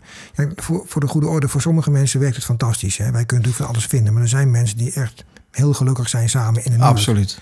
Dus het is ook niet echt een oordeel. Het is alleen dat ik denk, omdat dat instituut zo wordt um, gehuldigd, dat daar heel veel dingen door blijven liggen. En daar hebben wij het eigenlijk over, toch nu? Dat, dat, ja, maar waarom is het dan nog steeds zo dat uh, van de drie huwelijken er twee uh, kapot gaan? Nou ja, omdat het aangeleerd gedrag is in mijn ogen. Nou ja, precies moet, dat. Wat jij zegt, je moet trouwen. Ja. Ja. ja. Ik, ik vind dat persoonlijk, ik ben er hier regelmatig over losgegaan. Met anderen ook, dat ik denk van. Het is zo zonde. Weet je, het is een Disney-dingetje, toch? Eeuwige geluk met sterretjes. Nou ja, ja, maar ik denk dat je. Het, het moet goed voelen voor jou. Precies. En uh, wie ben ik om daar dan over te oordelen? Als jij monogaam bent, uh, en dan in de ruimste zin van het woord monogamie. Prima. Dat, als dat jouw keuze is ja. en je voelt je daar goed bij, ja, alsjeblieft zeg, blijf dat absoluut ja, doen. Zeker. Uh, maar heb je daar je twijfels over, maak het in ieder geval bespreekbaar. En dan kan je van daaruit wel weer verder kijken. Ja, helemaal mee eens. Maar ja, ieder voor zich. Maar daar ook weer in, oordeel niet over iemand anders. Houd lekker dicht bij jezelf. Dat wat jij fijn vindt is prima. Uh, vind jij dat iemand anders het anders doet en is dat niet jouw ding, is dat ook goed. Uh, dan nog kan je er even goed nog mee bevriend blijven, zeg ik altijd maar. Want dat is zijn of haar keus. Ja, en toch zijn er... En dat is vriendschap. Dat bedoel ik. Maar dat is dus eigenlijk best wel uh, een, bijna een utopie die je nu schetst. Want de meeste mensen oordelen toch snel. Met in het extreemste geval dat bijvoorbeeld een dame die zegt tegen haar beste vriendin... ik ben sekswerker geworden, dat ze gelijk de vriendschap verbreekt. Dat gebeurt ook. Niet die sekswerker, maar de vriendin daarvan dan. Hè, ja. Die dat niet kunnen handelen. Um, heb jij ervaring dat bij mannen dat soort dingen ook zo werken? Als jij een goede vriend of zeg je dan goed gedaan, kerel, en stoer is het een stoer verhaal. Ik snap je niks. Nou, dat is, ik vind het wel leuk dat je dat aanhaalt. Want als je gaat kijken, als jij uh, als dame aangeeft dat je uh, high-class escort bent, dan zeg ik altijd: heb je drie soorten. Uh, reacties. Reacties ja. Je hebt de reactie van een dame die zegt van... Goh, wat leuk. Uh, ik heb nou ja, de serie... Ik wil ook. ja. nou ja, ik, ik, heb die serie gezien. Uh, goh, heet je ook weer? Meisje van plezier. Precies die. Meisje van plezier. Ik heb er ook mijn fantasie over gehad. Nou, dat is reactie 1. Dan heb je de reactie van een dame die zegt... Echt, gadver, dus je gaat op je rug voor oude vieze mannetjes. Ja. Nou, dames, ik kan jullie vertellen... dat is niet het verhaal, maar oké. Okay. Ja, wat jij... Uh, wat, jullie oordeel, maar kijk eens even verder. Uh, en dan heb je nog uh, de mannen. De mannen die kijken dan naar een dame en denken... oké, okay, dus nou ja, jij laat je betalen voor geld... dus ik kan met jou naar bed. Betalen voor Simpel zat. ja, precies, dus ja. als ik wil, dan kan ik jou, nou ja, kan ik je neuken. Even Ja. heel plat gezegd. Als ik dat bij de mannen kijk... dus een man die vertelt dat hij sekswerker is... dat hij een high-class gigolo is... dan heb je de dames die van... goh, maar hoe dan? En wat moet je dan doen? En hoe werkt dat? Ze zijn eigenlijk allemaal geïnteresseerd in wat je doet en hoe je het doet. Mm -hmm. En bij de mannen, en je gaf het net zelf al aan, is het van, hé, hey, jezus, hey, pik, hoe doe je dat dan? Oh, wat goed. ja, doe jij dat? Nou, hoe dan? nou, dat. Het is eigenlijk heel simpel. Of, of die klassieke wordt... tekst van als jij een knie niet kunt, bel mij maar. Dat soort bullshit tekst. Dan krijg je dan natuurlijk ook, of niet? Ja, nou, eigenlijk, ja eigenlijk wel. Uh, uh, kijk, als jij de kroeg in gaat en er staat een dame met twaalf mannen te zoenen, is het een slet. Ja. En doe je dat als man, dan ben je de koning. Ben je de held, ja, precies. En dan zeg je van, goh, hoe krijg je dat voor elkaar? Ik zeg, ja, hoe krijg je het voor elkaar? Dus dat, is, dat verschil is er nog steeds. Dat vind ik bizar, maar het is er nog steeds. Ja. Dus ik kan er ook veel makkelijker voor uitkomen dat ik dit werk doe. Ehm, Je meent het. Oh, sorry. Dit is even... dus de telefoon. En dat is Siri, eh, dames Ja. en heren. Dat loopt gewoon door. Ja. Geen enkel probleem. Ja, hij meent het inderdaad. ja, Nou, precies. Zo zie je me weer. ja, maar je kunt er makkelijker vooruit komen dus. Ik kan er veel makkelijker vooruit komen. Ik Ja. heb in al die tijd, natuurlijk heb ik ook wel eens mindere reacties gehad. Eh, maar zo be it. En daar stap ik overheen. Dat vind ik prima. Maar als maar- ik kijk naar mijn, eh, eh, naar mijn echte vrienden. De alle drie die, zijn er maar meestal een paar. Hè? het, Dus zijn er, nou, het zijn er vier in dit geval. Mhm. Eh, die hebben me ook gevraagd, maar waarom dan? En hoe dan? En nou, die hebben mij de kans gegeven. eh, of de kans gegeven. Die hebben het me laten uitleggen wat ik ervan vind en waarom ik het doe. En die zei, nou prima, hartstikke goed. Ja, Niet voor mij, maar super dat jij het kan. Hartstikke leuk. Ja, wat, wat ik merk, eh, dat is zeker heel leuk. Wat ik merk vanuit de kinkbeleving, dat als je dingen deelt met mensen, met wie dan ook, dat bijna nooit mensen doorvragen. Hè? Ja, bij mij iets meer omdat ik natuurlijk daarin zit heel sterk. Ja. Maar in general, eh, jij zegt net ook van vraag het gewoon hè, als je iets wil weten. Maar heel veel mensen die nemen het tot zich, maar die vragen we, die staan vervolgens dicht of ze vragen haast niks. Heb je, ervaar je dat ook zo? Ja. ja, en dat vinden ze dan moeilijk, omdat ehm, ja, het is toch een onderwerp waar ze. Nee, waar een Lastig. randje, om, waar een randje Ja. om zit. En dat vinden ze, vinden ze lastig. Ja. En ik, wat ik zelf merk en wat ik zelf ook wel eens doe. eh, ik heb ooit. ken je toevallig Tony Robbins? De naam doet een belletje rinkelen. Is dat Nee. zo'n goeroe? Die, Dat is zo'n eh, goeroe, ja. ja. En dat is, dat is er eentje en die kan af en toe best wel grof in de mond zijn. Maar daardoor krijgt hij, wel, krijgt hij wel de aandacht. En waar is hij goeroe in? Life coach, zou ik maar zeggen, in, Ah, het, ja. in, het, in het leven. Eh, Maar ik, echt heel Amerikaans. Maar waarom haal ik hem aan? Omdat hij af en toe heel ja, grof kan zijn in wat hij zegt. Weet je, Howard Stern van vroeger, die radio-dj die voor het eerst seks live on de radio deed en zo. Dat was Nou eigenlijk een fenomeen, ja, dat soort zo bijvoorbeeld. Ik zeg, Even iets meer in de Oh, sorry. microfoon praten. Ja. Nee, goed. Nee, bijvoorbeeld, eh, ehm, kijk, soms dan merk ik dat er in een gesprek dat het doodloopt of dat ze er niet over durven te praten. En dan zeg ik van ja, ik ben niet alleen eh hoer, maar ik ben tegenwoordig ook pooier. En dan valt het stil. en dan kijken ze me aan en zeggen wat zeg jij nou? Geniaal. Ik zeg nou dit. En dan begint het gesprek. En ze zegt ja, je kan het doen en je kan het zien zoals je het zelf wil. Mhm. Ehm, maar vraag gewoon even. Wat, wat, wat zou je nou willen weten? Nou, dan komt er een vraag en dan beantwoord ik die. Het is ook de toon die de muziek maakt, hè, waar we het net ook over. Precies, ja, ja, ja. ja. En als je er heel moeilijk over gaat lopen doen, dan is het onderwerp moeilijk. Dan blijft het moeilijk. Klopt. En als jij er gewoon makkelijk over praat en zonder schaamte, eh, want ik schaam me er ook echt helemaal niet voor, Nee, dat blijkt nou dan, fantastisch. ehm, ja, dan, dan wordt het ook gewoon. Dan is het ook oké. ja. En dan krijg ik ook natuurlijk de vraag: oh, wat, voor leuke verhalen heb je? Nou, ik heb er zat. Zonder namen te noemen, dat soort dingen. Maar dan heb ik wel hele leuke verhalen. En dan hangen Ja. ze aan je lip. Nou, ben je ook weer gewonnen. Maar het is, wel, het is wel heel interessant, want je eigenlijk, eh, want jij doet hiernaast geen andere werkzaamheden meer. Hè? Je Nee, heb ik, heb ik gedaan, heel lang. Eh, maar ik heb dat bedrijf heb ik nu eh tweeënhalf jaar. Eh, en ik heb nu echt. service, eh, ja, Ja, ja, ja, ja. Dus ik heb nu echt eh, mijn volle focus hierop. Mhm. En ik vind het ook honderdmaal leuker. Ja, dat, dat, eh, dat kan ik me heel goed voorstellen. Ehm, en nu begrijp ik ook dat jij hebt nu iets van 16 mannen in jouw portfolio, begreep ik? Of ik kan het dat zo niet zeggen. Ja, ik heb er nu volgens mij twintig. Oh, 20 al, nou kijk eens Ja. aan. Ehm, dan betekent dat dus dat ik begrijp dat je zelf ook nog steeds meewerkt, zeg maar. Ja, Dus dan, niet heel vaak, maar ik doe het nog wel steeds zelf. Ja, dus, maar je regelt ook alle boekingen voor die jongens, of je helpt ze daarbij, zeg maar. Ja. Eh, dat is toch best wel een eh, fulltime business, denk ik dan, of niet? Eh 24-7. Juist. Ik zeg altijd, ik, ehm, het kantoor tussen aanhalingstekens gaat open om 11 uur 's ochtends en sluit om 11 uur 's avonds. Mhm. Eh, maar boekingen lopen 24-7 door. Dus eh, ik bel ook alle mannen zelf uit. Dat Oké. houdt in dat als iemand weg is tot, eh, zeg maar, die heeft een boeking van, van nou wat zullen we zeggen, 10 uur s s'avonds tot eh 3 uur s'nachts. Mhm. Dat ik om eh, kwart voor drie eh, de telefoon pak om aan te geven dat de date erop zit. Oh ja, dus je belt dan... En eh, bel ik altijd uit. En daarna hebben we ook weer contact zodra hij in de auto zit. Om eh, te kijken van, goh, hoe is het geweest? Eh, wat heb je ervaren? Hoe is het voor jou geweest? Eh, ook een stukje nazorg, zou ik maar zeggen. Ja, heel goed. En dat doe ik naar de klant ook. Niet dat ik ze dan s'nachts bel, maar wel de volgende dag een, een bericht stuur van... goh, mag ik vragen hoe, je, nou ja, hoe jullie het ervaren Ja, hebben? Ja, precies. En eh, nou, dat doet het gewoon ontzettend goed. Dus daar ben je wel heel druk mee, ja. En zijn, die, eh, zijn jouw, jouw mannen, zeg maar, zijn die... ehm, ja, dat is natuurlijk een beetje een mythe, maar dat voor dames het ook een kwetsbaar beroep is. Hè? Ze zijn natuurlijk als vrouwen misschien Ja. eerder... Is dat, hoe werkt dat bij mannen? Dat, je, hebt ook, je hebt ook mannen die voor, door mannen ingehuurd worden. Heb je, heb je ook, hè? Je hebt ook gay eh, dingen, doe je Ja. ook.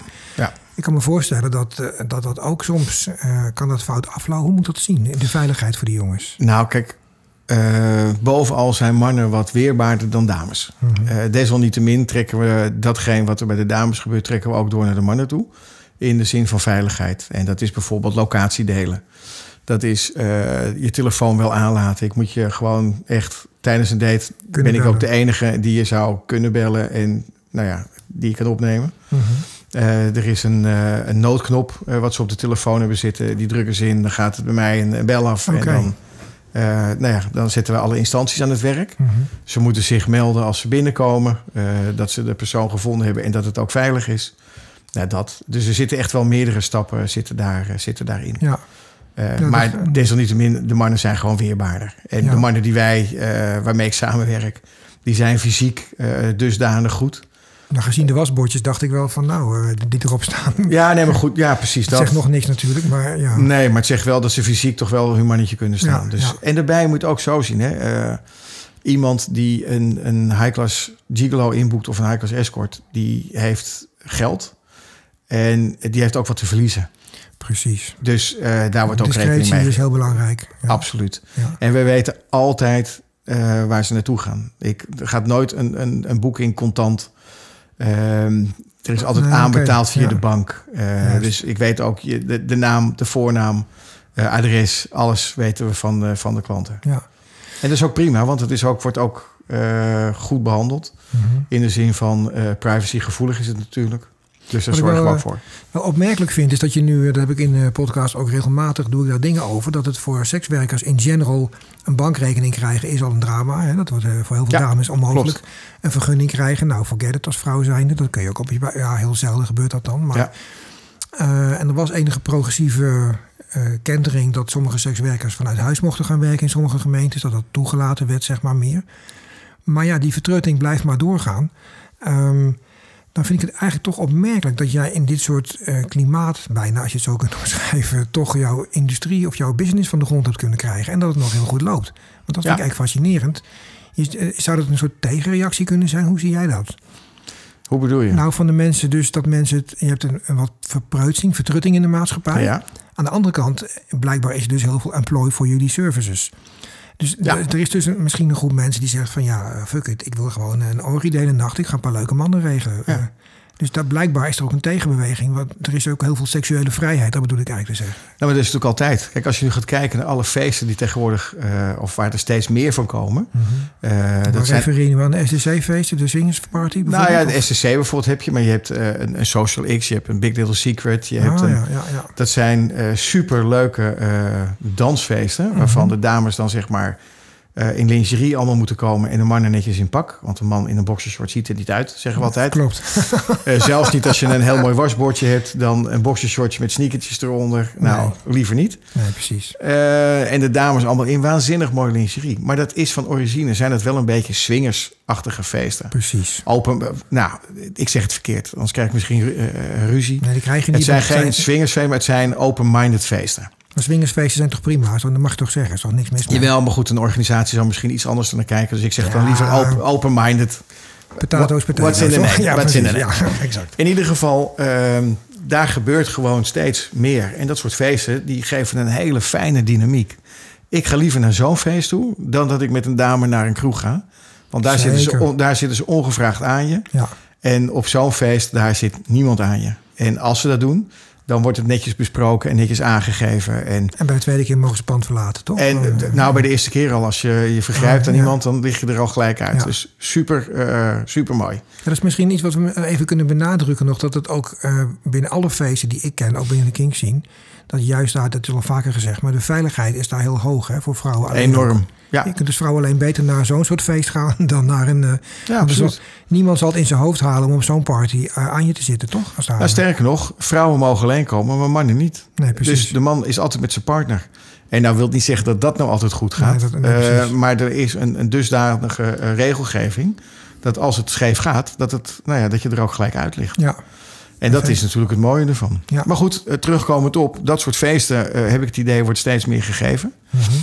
Uh, ik merk ook bijvoorbeeld dat er bij ons uh, heel veel double couple experiences geboekt worden. Dat is? Nou ja, het, het, ik heb het in het voorgesprek een beetje aangegeven. Dat is het hippe swingen, zoals wij dat dan noemen. Ehm, hoe moeilijk is het om een quattro-klik te vinden? Dus wat ik wil zeggen is, je gaat met je partner ergens naartoe... en je zoekt een leuk stel uit. Nou, of zij vindt hem niet leuk, of haar niet leuk... of hij vindt hem niet leuk, of haar niet leuk. Dat is altijd een van die Het is altijd, van, zeg het, maar. het- Ja, ja. nou ja, hoe, maar ze willen wel een leuk avontuur. Nou, ik heb met, eh, samen met eh, de eigenaresse van Pink Sheets... Ja, dat is Esme, die is hier ook eh, te gast. Nee, dat is, nee? Pink Sheets is van Amy. En Oh, Esme Amy. is van Eslabel. Oh ja, sorry. Ja. Oh god, dan krijg ik, eh, krijg ik Esme achter me aan. Sorry Esme. Nou, Nee, va- vast en zeker niet. maar, ehm, dus we hebben eh, samen met, eh, met Pink Sheets heb ik, dus met Amy, hebben we een double couple experience nou ja, samengesteld. En wat houdt het in?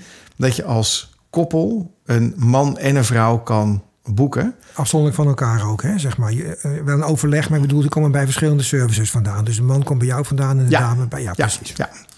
Dus, eh, en, en dan komen ze dus samen bij jou op bezoek. Mhm. En dan heb je toch het idee van een eh, swingersavond. Eh, en je hebt gewoon iemand die je ook echt leuk vindt. En Precies. dat is wel een hele leuke ervaring. En wij merken dat dat steeds meer en meer gedaan wordt. En wat je ziet is dat de koppels bijvoorbeeld eerst een dame boeken. Nou, als, eh, als ze een dame boeken, is het niet per definitie makkelijk om een keer een heer erbij te doen. Want dan krijg je toch een beetje het alfa-gedrag. Hè? Ja, ja, ja, wij, mannen zijn, wij mannen zijn en blijven mannen. Ja, ja, Dus dat kan wel eens moeilijk zijn. Ja, ja. Ehm, als ik kijk bij mij, als er een koppel is wat dus een man erbij uitnodigt, dan is het veel makkelijker om aan te geven: Goh, hebben jullie al eens nagedacht over een double couple experience? En dan staan ze daar heel snel voor open. En dat is echt superleuk om te zien. Mhm. En de, de feedback die we krijgen van die avonden, nou, die is echt waanzinnig leuk. Maar dan ben ik weer even een Hollander. Dan denk ik, ja, leuk. Maar dat zal dan aardig in de papieren lopen voor de Zeker. mensen. Ja, Want de dame komt voor minimaal... Je bent drie, vier uur onderweg voor zo'n date, denk Ja. ik, of zoiets. Ja. Onderweg in de zin van... Bij, en dan heb je nog wat reiskosten misschien. En dan komt er nog een heer bij. Dus dat gaat best wel hard dan. ja. Dus dat is, maar goed, het is ook niet voor iedereen weggelegd. Nee, daarom. Dat denk ik, eh, dat is dan fantastisch als je poen hebt. Dat is altijd fantastisch natuurlijk. Maar in dit geval eh, Ja, super, ja, super eerlijk is eerlijk, Ja, ja.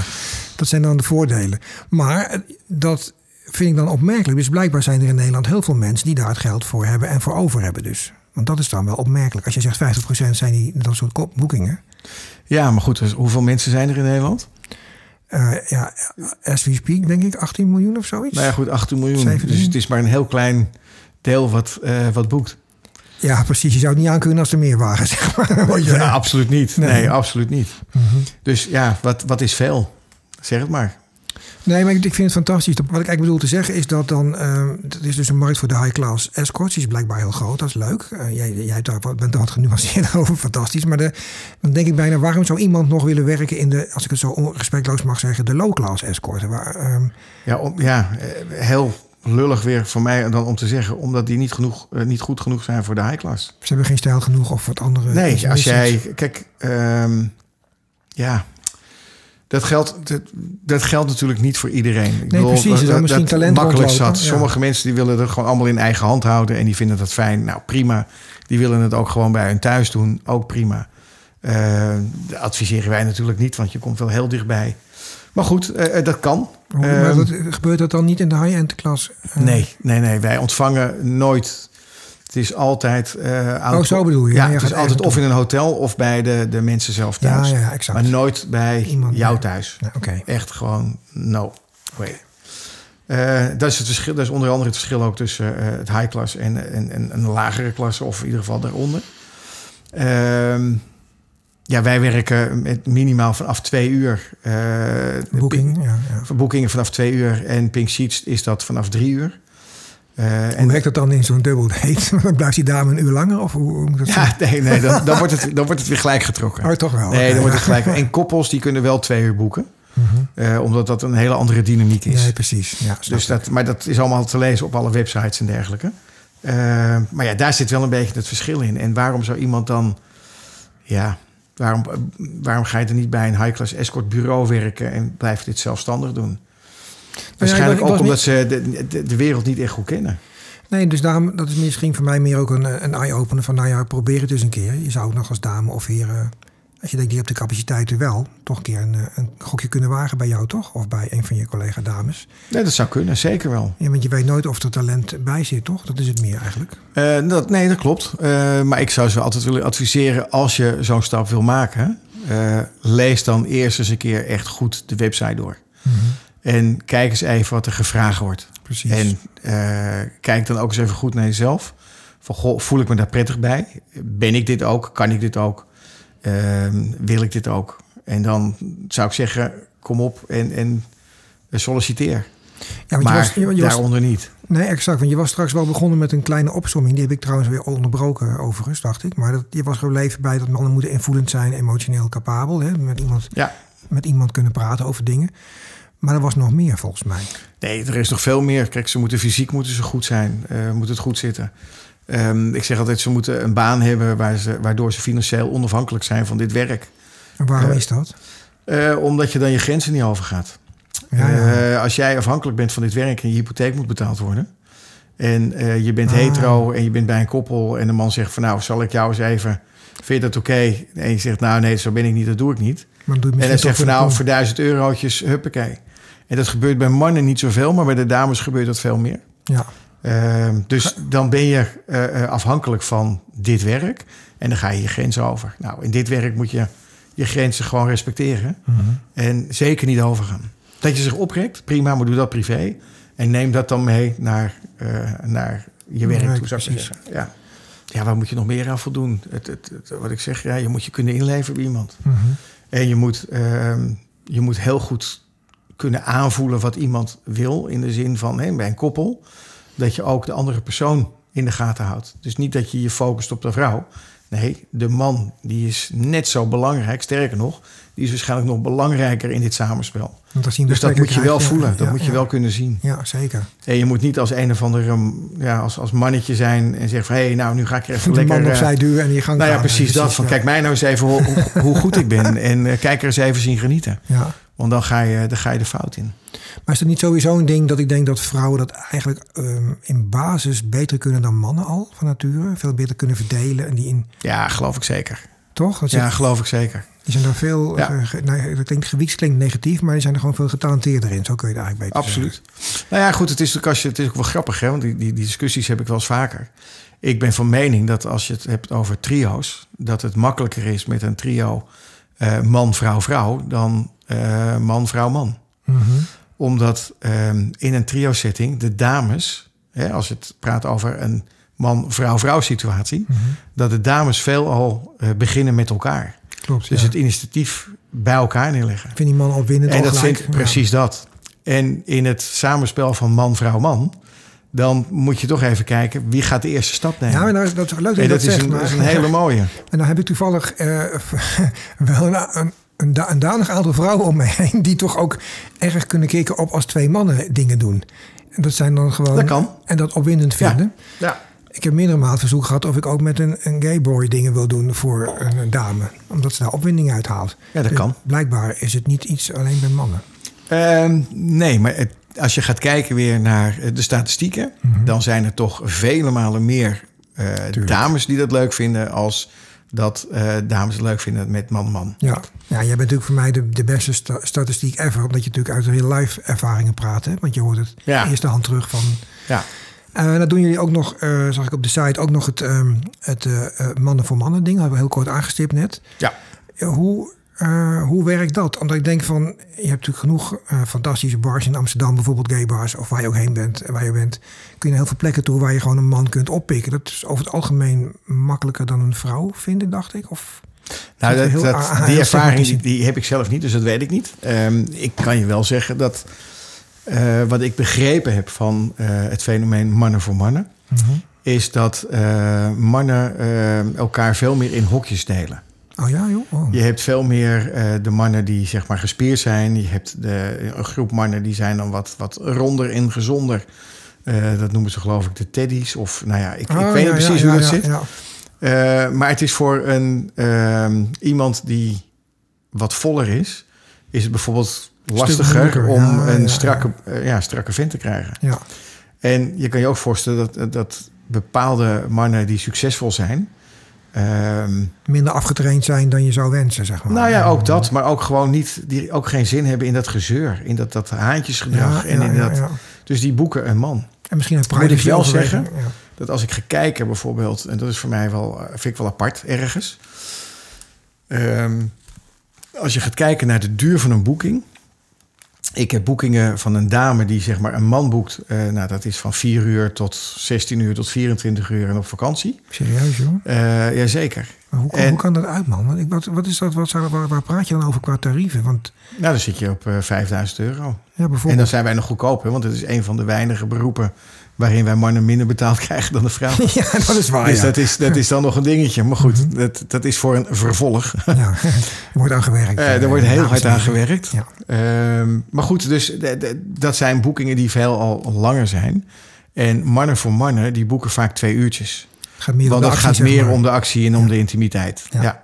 En dat kan drie uur zijn of vier uur met een etentje erbij om een beetje. Maar dat is het wel. Ja, ja, precies. Ja. Dus eigenlijk zou je zeggen, kun je beter dan met... Want het lijkt mij nou persoonlijk ook heel leuk om met een dame op stap te gaan. Wat sommige vrouwelijke escorts... eh, Ik heb onlangs eh, eh, weer zo'n verhaal gehoord van een dame die bij mij in de podcast was. Die dus was gestopt. Ehm, en die vertelde ook dat ze hele leuke, interessante dates heeft gehad met mannen die langer duurden. En dat was bijna ja, gewoon alleen maar gezelligheid en een heel klein beetje seks. Ja, dat klopt. En dat lijkt mij, niet dat ik dat niet seks niet zou willen, maar het lijkt mij heel omgekeerd heel leuk om ook met een dame op stap te gaan. Want dat doe ik ook wel eens voor de gezelligheid. En dan ga je twee dagen weg of zo, ik noem maar iets. En dan ben je onderweg. En dan denk je, nou wat leuk. Alleen dit keer krijg je er ook voor betaald. Zo voelt het dan toch eigenlijk. Is het ook. Maar het is wel, het is wel gewoon heel leuk. Maar het is ook heel vermoeiend. Dat klinkt misschien raar, want je moet toch opletten. Vertel. Kijk, nou ja, als jij ehm, ingehuurd wordt, dan ben je op dat moment ben je de perfecte vriend. Jij moet 24 uur aanstaan. Dan sta je gewoon 24 uur aan je Ja. bent de perfecte vriend. Terwijl als je thuis zit, zit je in je joggingbroek, zit je op de bank. Precies, eh, en een bak chips ja. op schoot en zit je eh, een of andere serie te kijken of wat dan ook. Fantastisch. Eh, ja. ja, ik zie het en- gelijk ook voor me dan, weet je. Ja, nou ja, ik ben ook erg visueel ingesteld, dus ik ook. Ja. Eh, maar dat is natuurlijk wel het verschil tussen dat of een date. En op Mhm. een date zit je niet met je joggingbroek aan op de bank met een zak chips. Nee, nee, nee. Dus dan sta je anders aan. Dus dat is vermoeiend, maar Ja. wel heel leuk om te doen. Ja. En de waardering die je krijgt is ook fantastisch. Dus Ja, ja, en je en, dat gebeurt. Ja, en dan komt die invoelendheid weer terug. Ik denk ook dat je precies moet verplaatsen in wat die dame dan graag wil. Hè? Want je kunt, staat wel 24 uur aan, maar je hoeft ook niet 24 uur de clown uit te hangen. Snap je? Dat is weer een ander uiterste. Nee, zeker niet. Nee. Zeker niet. In die 24 uur mag je ook nog slapen. Ja, geluksvogel. maar niet te lang. Ja, nee, niet te lang. Nee. nee. Ja, goed. Kijk, het is natuurlijk wat, wat verwacht een klant. Eh 9 van de 10 keer, dan praat ik eventjes weer over de eh, mannen die een dame meenemen. Mhm. Eh, die nemen dan een dame mee omdat ze dan op een zakenreis gaan. En die vinden dat dan gewoon leuk dat die dame s'avonds wel nou ja, klaar staat. En dan gaan ze lekker uit eten. Ze gaan naar een theater. Ze gaan van alles doen. En er is ook een stukje intimiteit bij. Maar overdag heb je alle tijd voor jezelf. Ga je bij het zwembad liggen. Je gaat eh, de stad in. Je gaat, nou, Beetje whatever. shoppen, gezelligheid. En dat is aan de andere kant een vrouw die een man mee op reis neemt. Eigenlijk hetzelfde. Oh ja, maar is dat ook een business gerelateerd? Als aan het werk is overdag? Ja, s'avonds? allebei. Ook dat. Ja, zeker wel. Zeker wel. Ah, oké. En als je bijvoorbeeld, word je wel eens gevraagd om dan mee te gaan op een vakantie? Ik noem maar iets. Dat je gewoon als vakantievriend meegaat voor een week ergens naartoe. Eh, Ja, nou ja, dat wordt gedaan. Absoluut. Ja. En dan ben je gewoon echt wel de vriend van dat moment. En Ja. dan ja, lig je ook bij het zwembad. En dan lig je ook op het strand. En dan ga je ook lekker lunchen. En je gaat. Nou ja, Maar zij alles. betaalt dan alles, hè? Je lunch ook? Ze betaalt alles. Ja. Waanzinnig zeg. Dat is wel heel chill. als, ze, nou, als ze mij vraagt, wat, wat vind jij nou het moeilijkste eh, van je vak? Mhm. Dan is dat het stukje. Ja, serieus? Ik, ja, ik ben nog steeds te veel... Ja, eh, Casanova die toch graag... eh, ja, ik, ik denk dat ik misschien toch nog stiekem een beetje ouderwets ben. En dat ik het wel heel leuk vind om te betalen. Maar vind je voor- leuk? voor het etentje. Dan koop je af en toe een fles wijn voor zo'n vrouw. Gebeurt dat dan Doe ik wel? ook zeker. Dat Ja, mag dan, dat is allemaal goedgekeurd. Dat mag ook. Of, Nee, zeker wel. Als ik op een date ga, ik ben uitgenodigd door iemand... dan neem ik een flesje wijn of een ander iets. Ja. Het is toch ook leuk als je, als je binnenkomt Tuurlijk, en je tuurlijk. krijgt iets. Dan is Nee, toch... maar ik dacht misschien dat dat in de kader van geen bonding aan willen gaan, geen intimiteit op dat vlak, dat, dat ze dan kunnen zeggen van Nee nou, hoor, dat is, dat is, dat is verder geen, geen eh, probleem. Kijk, het is wat anders. Zegt, goh, eh, dankjewel voor de uitnodiging. Ik neem je van een week mee op vakantie. dat, dat, ja, dat is weet je, ja, dat is, dat, dus daar zit wel een verschil in. Maar je kunt bijvoorbeeld wel morgens in een prachtig Italiaans hotelletje waar lieve blijven opstaan en de straat op gaan en verse broodjes voor de halen. Ja, natuurlijk kan dat. En dat soort dingen doe je dan dus ook. Ja, natuurlijk. Ja. Ik probeer Dat- een zo breed mogelijk beeld van jouw werk te schetsen. Want er is nog steeds, denk ik, voor heel veel mensen niet helemaal een goed beeld van de invulling van zo'n. Want Ja, ja, ik, ik zou dan denken van ja, die vrouw hoeft met de vingers te knippen. En jij staat. Maar ga, hoe gaat dat dan? Ehm, Nou ja, kijk, eh, bij de basis, de dame die eh, gaat met jou op date en die betaalt alles. mhm. Dus met de vingers knippen, ja en nee. Kijk, ik ben nog altijd er zelf bij. En Je bent wel Ik- een mens, hè? Met een, ja, daarom. En eh, het is niet doordat je mij betaalt dat ik alles maar even doe voor je. Nee. Ik heb ook mijn grenzen. Eh, en wat, daarbij, is, voor- wat is voor jou bijvoorbeeld een grens? nou, dat, dat hangt een beetje van de situatie af. Kijk, als je het helemaal plat slaat, eh, wat zijn grenzen op een date? Is dat iemand hygiënisch moet zijn? En als dat niet zo is, dan kan ik vragen: Goh, zullen we samen even douchen of Ja, wat dan ook? En als ze dat niet wil, dan eh, na drie keer zegt ja, dan breek ik de date af, want daar voel ik me gewoon niet fijn bij. Nee, precies. Eh, maar dat is iets anders dan dat je op vakantie bent en ze knipt met de vingers en zegt, ga even mijn koffer of haal even dit. Kijk, ik ben geen loopjongen. Ik zou het Ik ben gewoon- vinden ik als ben- in mijn submissive kant dan, zeg maar. Dat is wel geinig. Ja, wel, maar het is een andere, andere tak van sport. Ja, dat weet ik. Maar Ja. ik, ik probeer het ook, ik, ik zit steeds te mixen. Je gaat alles ook aan jezelf eiken. Want kijk hoe Ja. zou ik dat zou vinden. Ja. Maar ik begrijp dat je dus, je hebt wel je eigen waarde hoog in vaandel. Dat bedoel ik eigenlijk te Ja, zeggen. natuurlijk. Ja. Kijk, als je mij meeneemt op een, op een date, dan gaan we een fantastisch leuke tijd tegemoet. Eh, maar het moet ook leuk zijn voor mij. Mhm. En daar zorg ik aan zelf ook wel voor. Maar 9 van de 10 keer, de date zorgt er ook voor. Eh, die neemt je toch mee om, een, eh, nou, om een, echt een leuke tijd te hebben. Ja, En die gunt jou dat dan ook. Ja. Anders dan doet ze het niet. nee, natuurlijk. natuurlijk. Dus ik heb daar nog nooit echt eh, problemen mee gehad. Maar ik heb wel mijn grenzen. Je gaat mij niet vertellen dat ik even je koffer moet halen. Ik Nee. draag hem als we ergens heen gaat. Dan draag ik hem voor je. Natuurlijk. Vind ik ook niet meer dan normaal. Mhm. Dat zou je altijd maar het is niet zo van, eh, eh, daar staat hij, pak jij me eens even op. Nee, Nee. dan moet je iemand anders boeken. Ja, precies. En dan moet je niet bij mij zijn. Nee, oké. Heb je dat, hebben jullie trouwens, eh volgens mij heb je ook een kinkstukje. Je hebt ook het Fifty Shades of Grey, zag ik iets van staan. ja? Fifty Shades of Perfect, hè, noemen wij Ja, wat, wat wij als kinkers, dus luister- luisteraars, zijn natuurlijk nu heel geïnteresseerd. Wat is dat? Wat houdt dat in? Nou, het is een beetje wat je zelf wil. eh, wat de klant wil ervaren. Eh, en ik heb daar een eh, tweetal mannen in die daar ver gevorderd in zijn. En als een klant zegt van nou, ik wil een beetje vastgebonden worden op het bed en eh, een beetje gedomineerd worden en dat. Nou, daar, dat kan ik zelf ook. Eh, maar Ja, wil dat- je. Een dingetje doen we er even bij, weet je wel. Nee, maar dat, ja, maar dat is natuurlijk dat is meer het huistuin en keuken eh, gebeuren. Ja. Nou, vergis niet, verkeerd vastbinden kan heel erg fout gaan. Hè? Nee, dat snap ik. Nee, dat snap ik. Maar de- de- heel eerlijk, dat, dan gebeurt het niet met de touwen. Dan is het gewoon met die kant-en-klare setjes. Precies, ja, precies. Daar kan weinig verkeerd aan gaan. Exact. Eh, dus dan houden we het daarop. En als ze echt verder willen, dan heb ik ze erbij die Specialisten, heel goed weten wat ze doen. En die, die, die zetten je in een... eh, die komt niet nee, die maken een mooi bikinietje voor je, zeg maar, met de touwen. Ja, prachtig. En daar kom je inderdaad niet meer los. Nee, leuk. Eh, zonder dat je afgekneld wordt en zonder dat je ongemakkelijk wordt en noem maar op. En, Eh, en- maar goed, daar weet jij veel meer vanaf als dat ik dat weet. Eh, Ja, nee, maar dat maakt niet uit. Het ging mij meer om van dat ik denk dat het natuurlijk. eh, Het maakt niet uit van het level van beleven. Het gaat erom dat je de beleving biedt. Hè? Dat was het meer. Dat is heel erg Ja. leuk natuurlijk. Eh, en heb je ook gemerkt dat er een opleving in, in dat. eh, hoe, hoe verhoudt zich dat tot de rest? Want ik geloof 2, 2,5% in de wereld is kinky of zo. Van alle dingen die gebeuren, hè? seksueel. Ja, eh, ehm, wat is de definitie van kinky? Kijk, Nou ja, ik, merk, ik merk dat eh, eh, vrouwen het toch wel fijn vinden als ze eh, een beetje aangepakt worden. Ja. Ehm, en dat ze iets wat, nou ja, onderdanig weggezet worden, zou ik maar zeggen. Tijdens de intimiteit, tijdens de seks. Is dat universeel bij alle dates die je hebt gehad? Of zeg je dat? Nee, natuurlijk niet. Nee hoor, je kan het niet over één kam scheren. Maar ik merk, ik probeer het altijd. En ik probeer het altijd even om mijn hand op, de, op hun keel te, eh, te leggen. ja, aangaan erop. En dan hou ik het even heel rustig en heel zacht. En als ik merk dat daar een andere dynamiek in komt, dat ze erop aangaan, dan ga ik langzaam maar zeker ga ik een stukje verder. Oh, leuk, ja. En eh, dat is iets wat je, wat je door de ervaring zeg maar leert. Tuurlijk, tuurlijk. En daar, op basis daarvan merk ik dat er toch best wel veel vrouwen zijn die dat wel fijn vinden. Tot op een zekere Ja. hoogte. hè. Het is niet dat ze De een meer breathplay of weet ik veel wat. Nee, gewoon wel net even dat stukje. En dan vind ik het ook weer mooi om te kunnen zeggen tijdens zo'n date van... Goh, eh, ben je wel eens geblinddoekt? Dat is voor heel veel vrouwen is het ook alweer next level. Ja. Nee, nee, ben ik nog nooit, dat heb ik nog nooit gedaan. Ja, vertrouw je me? Zou je dat een keer zou je dat willen ervaren? Ja, waanzinnig. En dan ga je weer naar het volgende stadium. En dat is ja, super mooi om dat mee te kunnen geven. Ja, dat vind ik dus ook. Want je hebt iemand weer iets laten voelen wat ze nog niet kent. Hè? Dat is natuurlijk Ja, een precies motief. dat. Ja. Ja. Ja. Ja. dan vergeet je bijna dat het werk is, toch? In dat soort situaties. Eh, ja. Technisch misschien dan. Ja, ik, zit, maar... ik, zit, ik zat gelijk even te denken van, goh, vind ik het sowieso werk. Uh, ja, soms zijn er dates bij, dat is wel echt wel werken, eerlijk is eerlijk. Maar uh, in het algemeen, ja, het, het, ik heb ontzettend veel lol en, en ja. plezier in wat ik doe. En hoe is dat, gaat dat voor, uh, voor, um, voor al jouw uh, collega's, zeg maar? Alle twintig mannen die met en voor jou werken? Of werken ze Absoluut. Ja? ja, absoluut.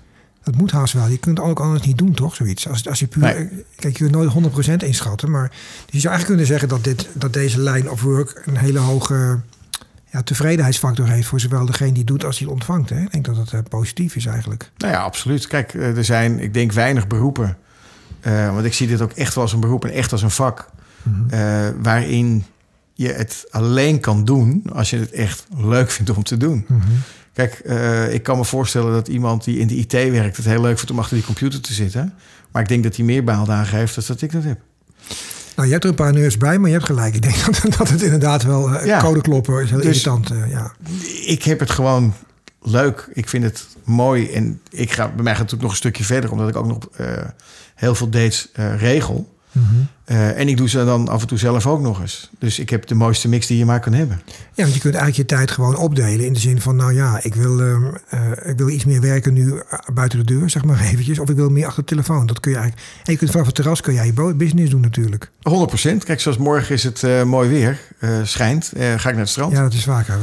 en dan zit ik heerlijk op het strand, zit ik mijn werk gewoon te doen. Zo, Ehm, ja, als, maar daar staat wel tegenover dat als ik een leuke avond voor mezelf gepland heb en ik ga lekker uit eten met vrienden, dat ook de telefoon dan aanstaat. Ja. En dat het ook zomaar kan zijn dat ik uh, nou ja, het, voor, het voorgerecht mis. Of dat mijn uh, hoofdgerecht koud is als ik terugkom. En dat je toetje gebruikt met een hele leuke dame. Dat, uh, dat, zou, dat zou kunnen. Dat zou kunnen. Ja. Nee, maar dat, dat is natuurlijk wel weer de keerzijde. Ja. En dan nog vind ik het leuk om te doen. En hoe zie jij de, uh, dat bedenk me nu ineens, de, de, de toekomst van deze, uh, van deze business? Het is natuurlijk die nieuwe WRS, die nieuwe sekswet waar ze mee bezig zijn, die nu gelukkig even... Belachelijk. Ja, dat vind ik ook. Dat is een, een compleet volkomen... nog een keer een uitgebreide podcast naar wijde ook. Maar die is nu iets onhold, begreep ik. Dat het kabinet is gevallen, waardoor het eventjes... Uh, ja. Maar wat, hoe zie je de toekomst in general van de industrie? Want de, ja, het lijkt op een bepaalde manier wel de goede kant op te gaan. Maar of is dat wishful thinking van mij? Nou, ik durf het eerlijk gezegd niet te zeggen. Ik weet wel dat uh, de regels die ze willen gaan toepassen... of de, de, de, veranderingen die ze willen doorvoeren... dat we dan echt de verkeerde kant op gaan. Dat er dan weer heel veel de, de, de anonimiteit uh, ingedrukt ja. wordt. Nou, dat willen we juist niet. Nee. Uh, anderzijds blijft er altijd een taboe hangen... omtrent sekswerkers en omtrent seks. Ja. dus ik denk dat we het enigszins een beetje voortzetten... zoals we dat nu hebben. Okay. En dat er niet heel veel veranderingen in gaan komen. Maar ik heb de wijsheid niet in pacht. Uh, nee, ik, weet wel dat ik dit bedrijf gewoon kan doorzetten tot in de eeuwigheid. Mm -hmm. uh, want ja, seks zelfs, uh, er is behoefte ja, aan. Behoefte aan ja, tuurlijk. en zeker op een veilige manier. En dat bieden wij dus. Daar ben ik niet zo bang voor. Nee, precies. Nou, dat dacht ik zelf ook. Ik denk alleen dat, dat het vreemde is... Dat, dat er misschien toch wel mensen zijn geweest... die zo'n sekswet met een goede intentie hebben opgezet. Deels. Dat geloof ik echt wel. Maar nou, dat, ja, dat geloof ik wel. Maar net zoals met heel veel andere uh, ja, beroepen... Onkunde, als je er uh, geen verstand van hebt... zorg dan dat je het uh, wel gaat krijgen. Of zorg dat je daar de mensen voor, ja. voor binnenkrijgt die dat wel hebben. Ja. En die kunnen je haar fijn vertellen wat wel en wat niet goed is. Ja. En zoals het nu is, sorry Den Haag... maar dit slaat echt werkelijk waar helemaal nergens op. Want jullie drukken het echt de illegaliteit in. Ja, dat denk ik en dat ook. is gewoon niet goed. Nee. Dat is niet goed. En dan krijg je weer ja, gedwongen prostitutie. Ja. Je krijgt weer schimmige uh, taferelen.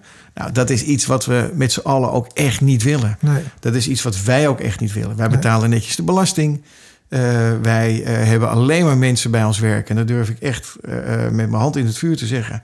Die dit ook echt leuk vinden om te doen. Die dit niet hoeven te doen. Maar het gewoon echt leuk vinden om te doen. ja, kom op zeg. Laat die mensen dan wel ook nog een beetje in de anonimiteit werken.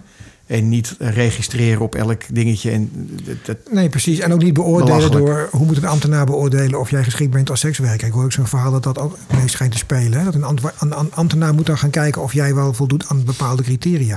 Maar ik denk, daar moet je geen ambtenaar voor hebben. Dan moet je iemand voor hebben die daarvoor opgeleid is. Die dat kan beoordelen. Ja, maar dan nog, dat is niet te beoordelen. Kijk, als nee. jij... Kijk, tuurlijk, als jij financieel aan de grond zit...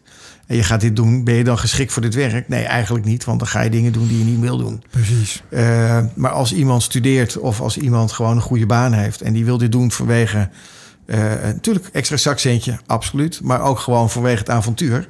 Is die dan niet geschikt? Nou, dan bepaal ik wel of ze bij mij in het bedrijf passen of Precies, dat vind ik ook. Net zoals en, dat je bij elk bedrijf kijkt of je werknemers geschikt zijn. 100 procent. Ja.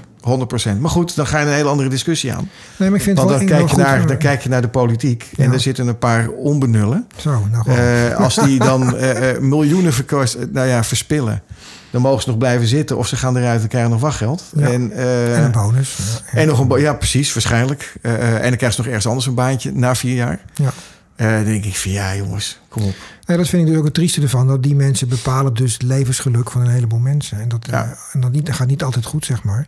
Nou, ik zou graag met hun aan tafel willen. Ik zou graag met ze willen zitten en zeggen: van, jongens, hoe, hoe zien jullie het? En wat denken jullie ervan? En uh, kom eens met vragen aan naar ons toe van: goh, hoe werkt het nou echt daadwerkelijk? Juist. En wat zo grappig is, is dat uh, ook in die kringen uh, wordt er gebruik gemaakt van onze diensten. Nee, dat is algemeen En- bekend. Ik had net een podcast online met twee meesteressen die ook Haagse cliëntelen hebben, zeg maar. Ja, dan, fantastisch. dan was mijn intro was ook hoe leuk het moet zijn dat je dus een politicus in elkaar kunt trimmen en dat die nog voor betaalt ook. Dat vond ik Ja, wel heel ja, geestig. maar ja. en dat vond ik dames ook, zeg maar. Dus Ja. dat, uh, maar goed, sorry, onderbrak. Je hebt Haagse Nee, nee, maar ik bedoel, dat is, dat, dat, dat is toch uh, uh, de hypocrisie. ja. Absoluut. Als je gaat kijken van, goh, we mogen dit, die mogen dat niet. En ondertussen wordt er gebruik gemaakt van allerlei diensten. ja. Uh, weet je, zeg gewoon zoals het is. Ook? Ja. Je hoeft er niet voor uit te komen dat je het doet. Maar kijk nou eens even verder. ja. En verdiep je er nou eens in. En durf je er ook eens een keer in te verdiepen. En kom, juist- er, en kom daar wel voor uit. Van god jongens, luister, ik heb me erin verdiept. Maar het zit toch anders. Ja, maar je zou toch ook verwachten dat, dat mensen die dan. ehm, het zou hetzelfde zijn als dat wij uit in onze gevoelsbelevingen, wat we doen allebei, zeg maar, dat wij ook het gaan omkeren in een wetgeving en roepen het mag niet meer. Dat, dat doen ze eigenlijk. Hè. Ze hebben die gevoelens zelf, ze maken gebruik Ja. van jouw service. En aan de andere kant, ergens gaan ze de, de knop in, de kop indrukken. Ja, ik vind dat, ik vind dat persoonlijk eh, volkomen kansloos. Nou, het is natuurlijk sowieso al vanaf dag één kansloos. Want het is gelegaliseerd en we mogen niks. Nee, Je wordt aan alle kanten wordt je tegengewerkt. Nou, Ja. dat is een onderwerp die ik liever niet aanga. Want daar word ik altijd een beetje pissig over. nee maar goed dat je het Eh, even vind roept. dat want, het, eh, het is kortzichtig. Uh, en dan kom ik weer. Ga nou zitten met de mensen die hier precies. Op, op de juiste manier instaan. Uh, die wel willen zorgen dat er openheid is. En dat er gewoon, nou ja, het, het kunnen laten zien van jongens, het is echt, het is, nou ja, het is gewoon hartstikke leuk. Ja, Het is ook mooi om te doen. En we doen er ook heel veel mooie dingen mee. Want vergis je niet. ja, dat Wees blij dat, ze er, dat, dat men terecht kan bij uh, diensten zoals wat wij leveren. Mhm. Uh, ja, laat dat nou eens een keer zien. Ja. In plaats van altijd dat negatieve met, met gedwongen prostitutie of wat dan ook. Het zal er best nog zijn, maar dat is echt vele malen minder. En in het hoogsegment, neem van mij aan, het is er niet. Nee, geloof ik ook niet. Het is er niet. Dus kom op. Nee, ik denk dat het inderdaad nog wel gebeurt in een bepaald circuit. En dat zal ook altijd zo blijven. Want dat gebeurt ook alleen in een. Of altijd, dat is weer zo'n aanname. Maar de kans om dat te bestrijden is vrij klein, denk ik. Omdat het, ja, dat wordt in stand gehouden door, doordat het in zo'n schimmige wereld gebeurt. Hè? Ja, Dat en- ja. En ik denk juist door te leg- legaliseren, dus mensen zoals jij de kans te geven, ja, dan, eh, dan maak je het toegankelijk voor een groot publiek. En dan is mensen ook niet, zijn mensen ook niet meer geschroom, voelen zich geen schroom meer om gebruik te maken van je diensten. En dat is denk ik heel belangrijk. Want dat speelt misschien ook nog mee, hè? Nou ja, 100 procent. Want de gemak waarmee wij over seksualiteit praten in general, eh, ook in deze podcast. eh, en ja, dat, dat, dat is voor heel veel mensen nog steeds een grote brug te ver. Wat jij net zegt, een dame die voor het eerst een blinddoekje omkrijgt en daar helemaal op aangaat en dat fantastisch vindt. En een hele nieuwe ervaring heeft. Dat is eigenlijk jammer dat dat niet al, ik wil bijna zeggen, met de paplepel is ingegoten, toch? Want dat kun je ook nog Ja. eens proberen. Dat zou het allemaal zoveel makkelijker maken, denk ik. Het maakt het een stuk makkelijker. Aan de andere kant, door de schaarste, hebben wij wel een bestaansrecht. Ja, maar het is zo- eerlijk, zo eerlijk moet het ook weer zijn, toch? Ja, Maar het is nu zo schaars dat jij nog jarenlang voort kunt. eh. nou 100 procent. Ja. Ja. Oké. Het, is, het is jammer, want je kan zoveel meer doen. Je kan zoveel meer bieden. Ja. Ehm, en eigenlijk zou ik al die berichtjes die ik terugkrijg van eh klanten... of je nou over een stel praat of over een dame alleen... of over een man alleen, whatever... eh, die zou je eens een keer moeten bundelen. En dan zie je hoe dankbaar mensen kunnen zijn... voor de diensten die we aanbieden. Mhm. En eh, ja, ja ik kan nog uren erover doorgaan op zo'n manier... want het is echt super mooi.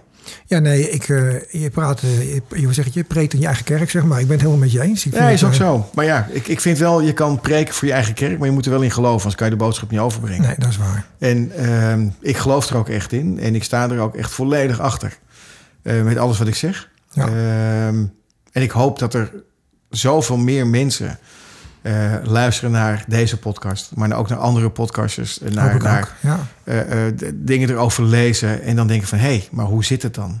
Ga het eens onderzoeken, ga het eens vragen. Dat wat wij Kom, losmaken met precies. jou, ik en mijn andere gasten, is gewoon dat mensen inderdaad zich vragen gaan stellen, op onderzoek gaan, met elkaar het gesprek aangaan. En wat een hele goede blijkt te zijn, is dat mensen, dat een vrouw zegt tegen een man zegt, moet je naar die podcast luisteren, hebben ze iets heel geks besproken. Vind ik eigenlijk best wel leuk. Ja. En dan heb je een gesprek, dan kun je een gesprek starten. Ja. En ik vind het soms bijna wel lastig vanuit mijn eigen ervaring nu om dan zeg maar te bedenken dat er mensen zijn die nog niet eens het gesprek durven aangaan. Hè? Dat zijn er zoveel. Ja. Zo jammer. Precies. Luisteraars, dat is zo jammer. Ja, maar goed, nu hebben we het over seks en over intimiteit. Maar er zijn zoveel relaties waar überhaupt niks besproken kunnen worden. Nee, dat is waar. Um, al heb je het over een vakantie. Ik noem maar wat. Ja, gaan we weer naar Zoutelanden? Ja, ik wil een keer ergens anders zijn, maar ik durf het niet te zeggen. Ja, ja dat kan ik me niet voorstellen. Maar nee, maar maak het, maak het nou eens een keer bespreekbaar. En, en probeer dan eens een keer uh, nou, een uurtje op de bank te zitten. En dan maar eens een keer wat minder comfortabel. Ja. Maar gooi het er een keer uit. Ja. Nou ja, ik denk als, het dan, als dat dan misgaat voor je relatie, dan is het toch niet helemaal de goede relatie of zo. Ja, dan kun je makkelijk roepen als je kinderen hebt, is weer anders. Dat ik snap het wel. Ja. Uh, maar eigenlijk heb je het al gezegd. Maar zou je nog iets willen toe toevoegen voor de luisteraars van je zegt van nou jongens, uh, ja, dat wil ik met jullie delen. Nou, korte, korte versie, hè? Ik zal, ja, ik zal de, dat, is best lastig, want ik denk dat heel veel al gezegd is. Daarom. Hetgeen wat ik uh, nog een keer zou willen benadrukken, is um, hou dingen niet voor jezelf. Bespreek het met elkaar. En ehm, dan kom je al zo'n eind verder. En dat zou je verbazen hoeveel raakvlakken je dan even goed nog hebt. En, of meer zelfs misschien. Of misschien, nou ja, precies. Ja. Uh, uh, en maak er wat moois van. En doe het veilig. In de zin van kader het af. Dat geeft een hoop ellende uh, minder. Ja, geen verliefdheid, natuurlijk geen drama, is dat, dat precies dat. En natuurlijk lul ik dan inderdaad voor eigen kerk. Terecht, ja. Het, is een, een, het is natuurlijk een, een bedrijf wat ik heb. ik verdien er ook mijn geld mee. En ik, ik durf het ook te zeggen. Ik ben er ook niet vies van. Maar het, ik merk gewoon echt aan heel veel dingen dat als je het afgekaderd doet, dan kan je een waanzinnig mooie ervaring krijgen, kan het opleveren. En dat kan je ook echt verder brengen weer in een relatie. En dat kan je ook echt verder brengen in je leven. Een, in ander, uh, uh, ja, ja. Nou goed in je leven inderdaad. Ja. In een andere kijk op dingen.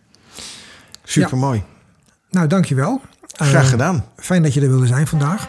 Fijn dat ik mocht komen. Ja, ja. ik ga je linkjes erbij zetten in de omschrijving voor de luisteraars. En ehm, nou, je weet, treffen bij elkaar nog eens elders je, voor een volgende podcast. Lijkt me helemaal leuk. Kom maar okay. door. Ik uh, dank je wel voor, uh, voor de tijd en voor de uitnodiging. Heel graag gedaan. I'm mad about the boy. And I know it's stupid to be mad about the boy. I'm so ashamed of it, but must admit the sleepless nights I've had about the boy. Mm, on the silver screen. Fijn dat je hebt geluisterd naar deze podcast. Als je de content leuk vindt, wil je hem dan alsjeblieft zoveel mogelijk liken, delen en eventueel de podcast volgen. Hoe meer likes, hoe meer bekendheid en hoe meer mensen we dus kunnen helpen met hun zoektocht, coming out of andere vragen die ze op het gebied van kink en seksualiteit wellicht hebben. Via de website van Syncquest kun je altijd een mail sturen met bijvoorbeeld je voorstel voor een onderwerp of een kink- en seksgerelateerde vraag waarvan je vindt dat die in de podcast besproken kan worden. Op de website vind je ook linkjes naar andere sites en eventueel onderwerpen die voor jou interessant kunnen zijn. Dit was het voor nu. Tot de volgende. on the silver screen. He melts my foolish heart in every single scene. Although I'm quite aware that here and there are traces of the cad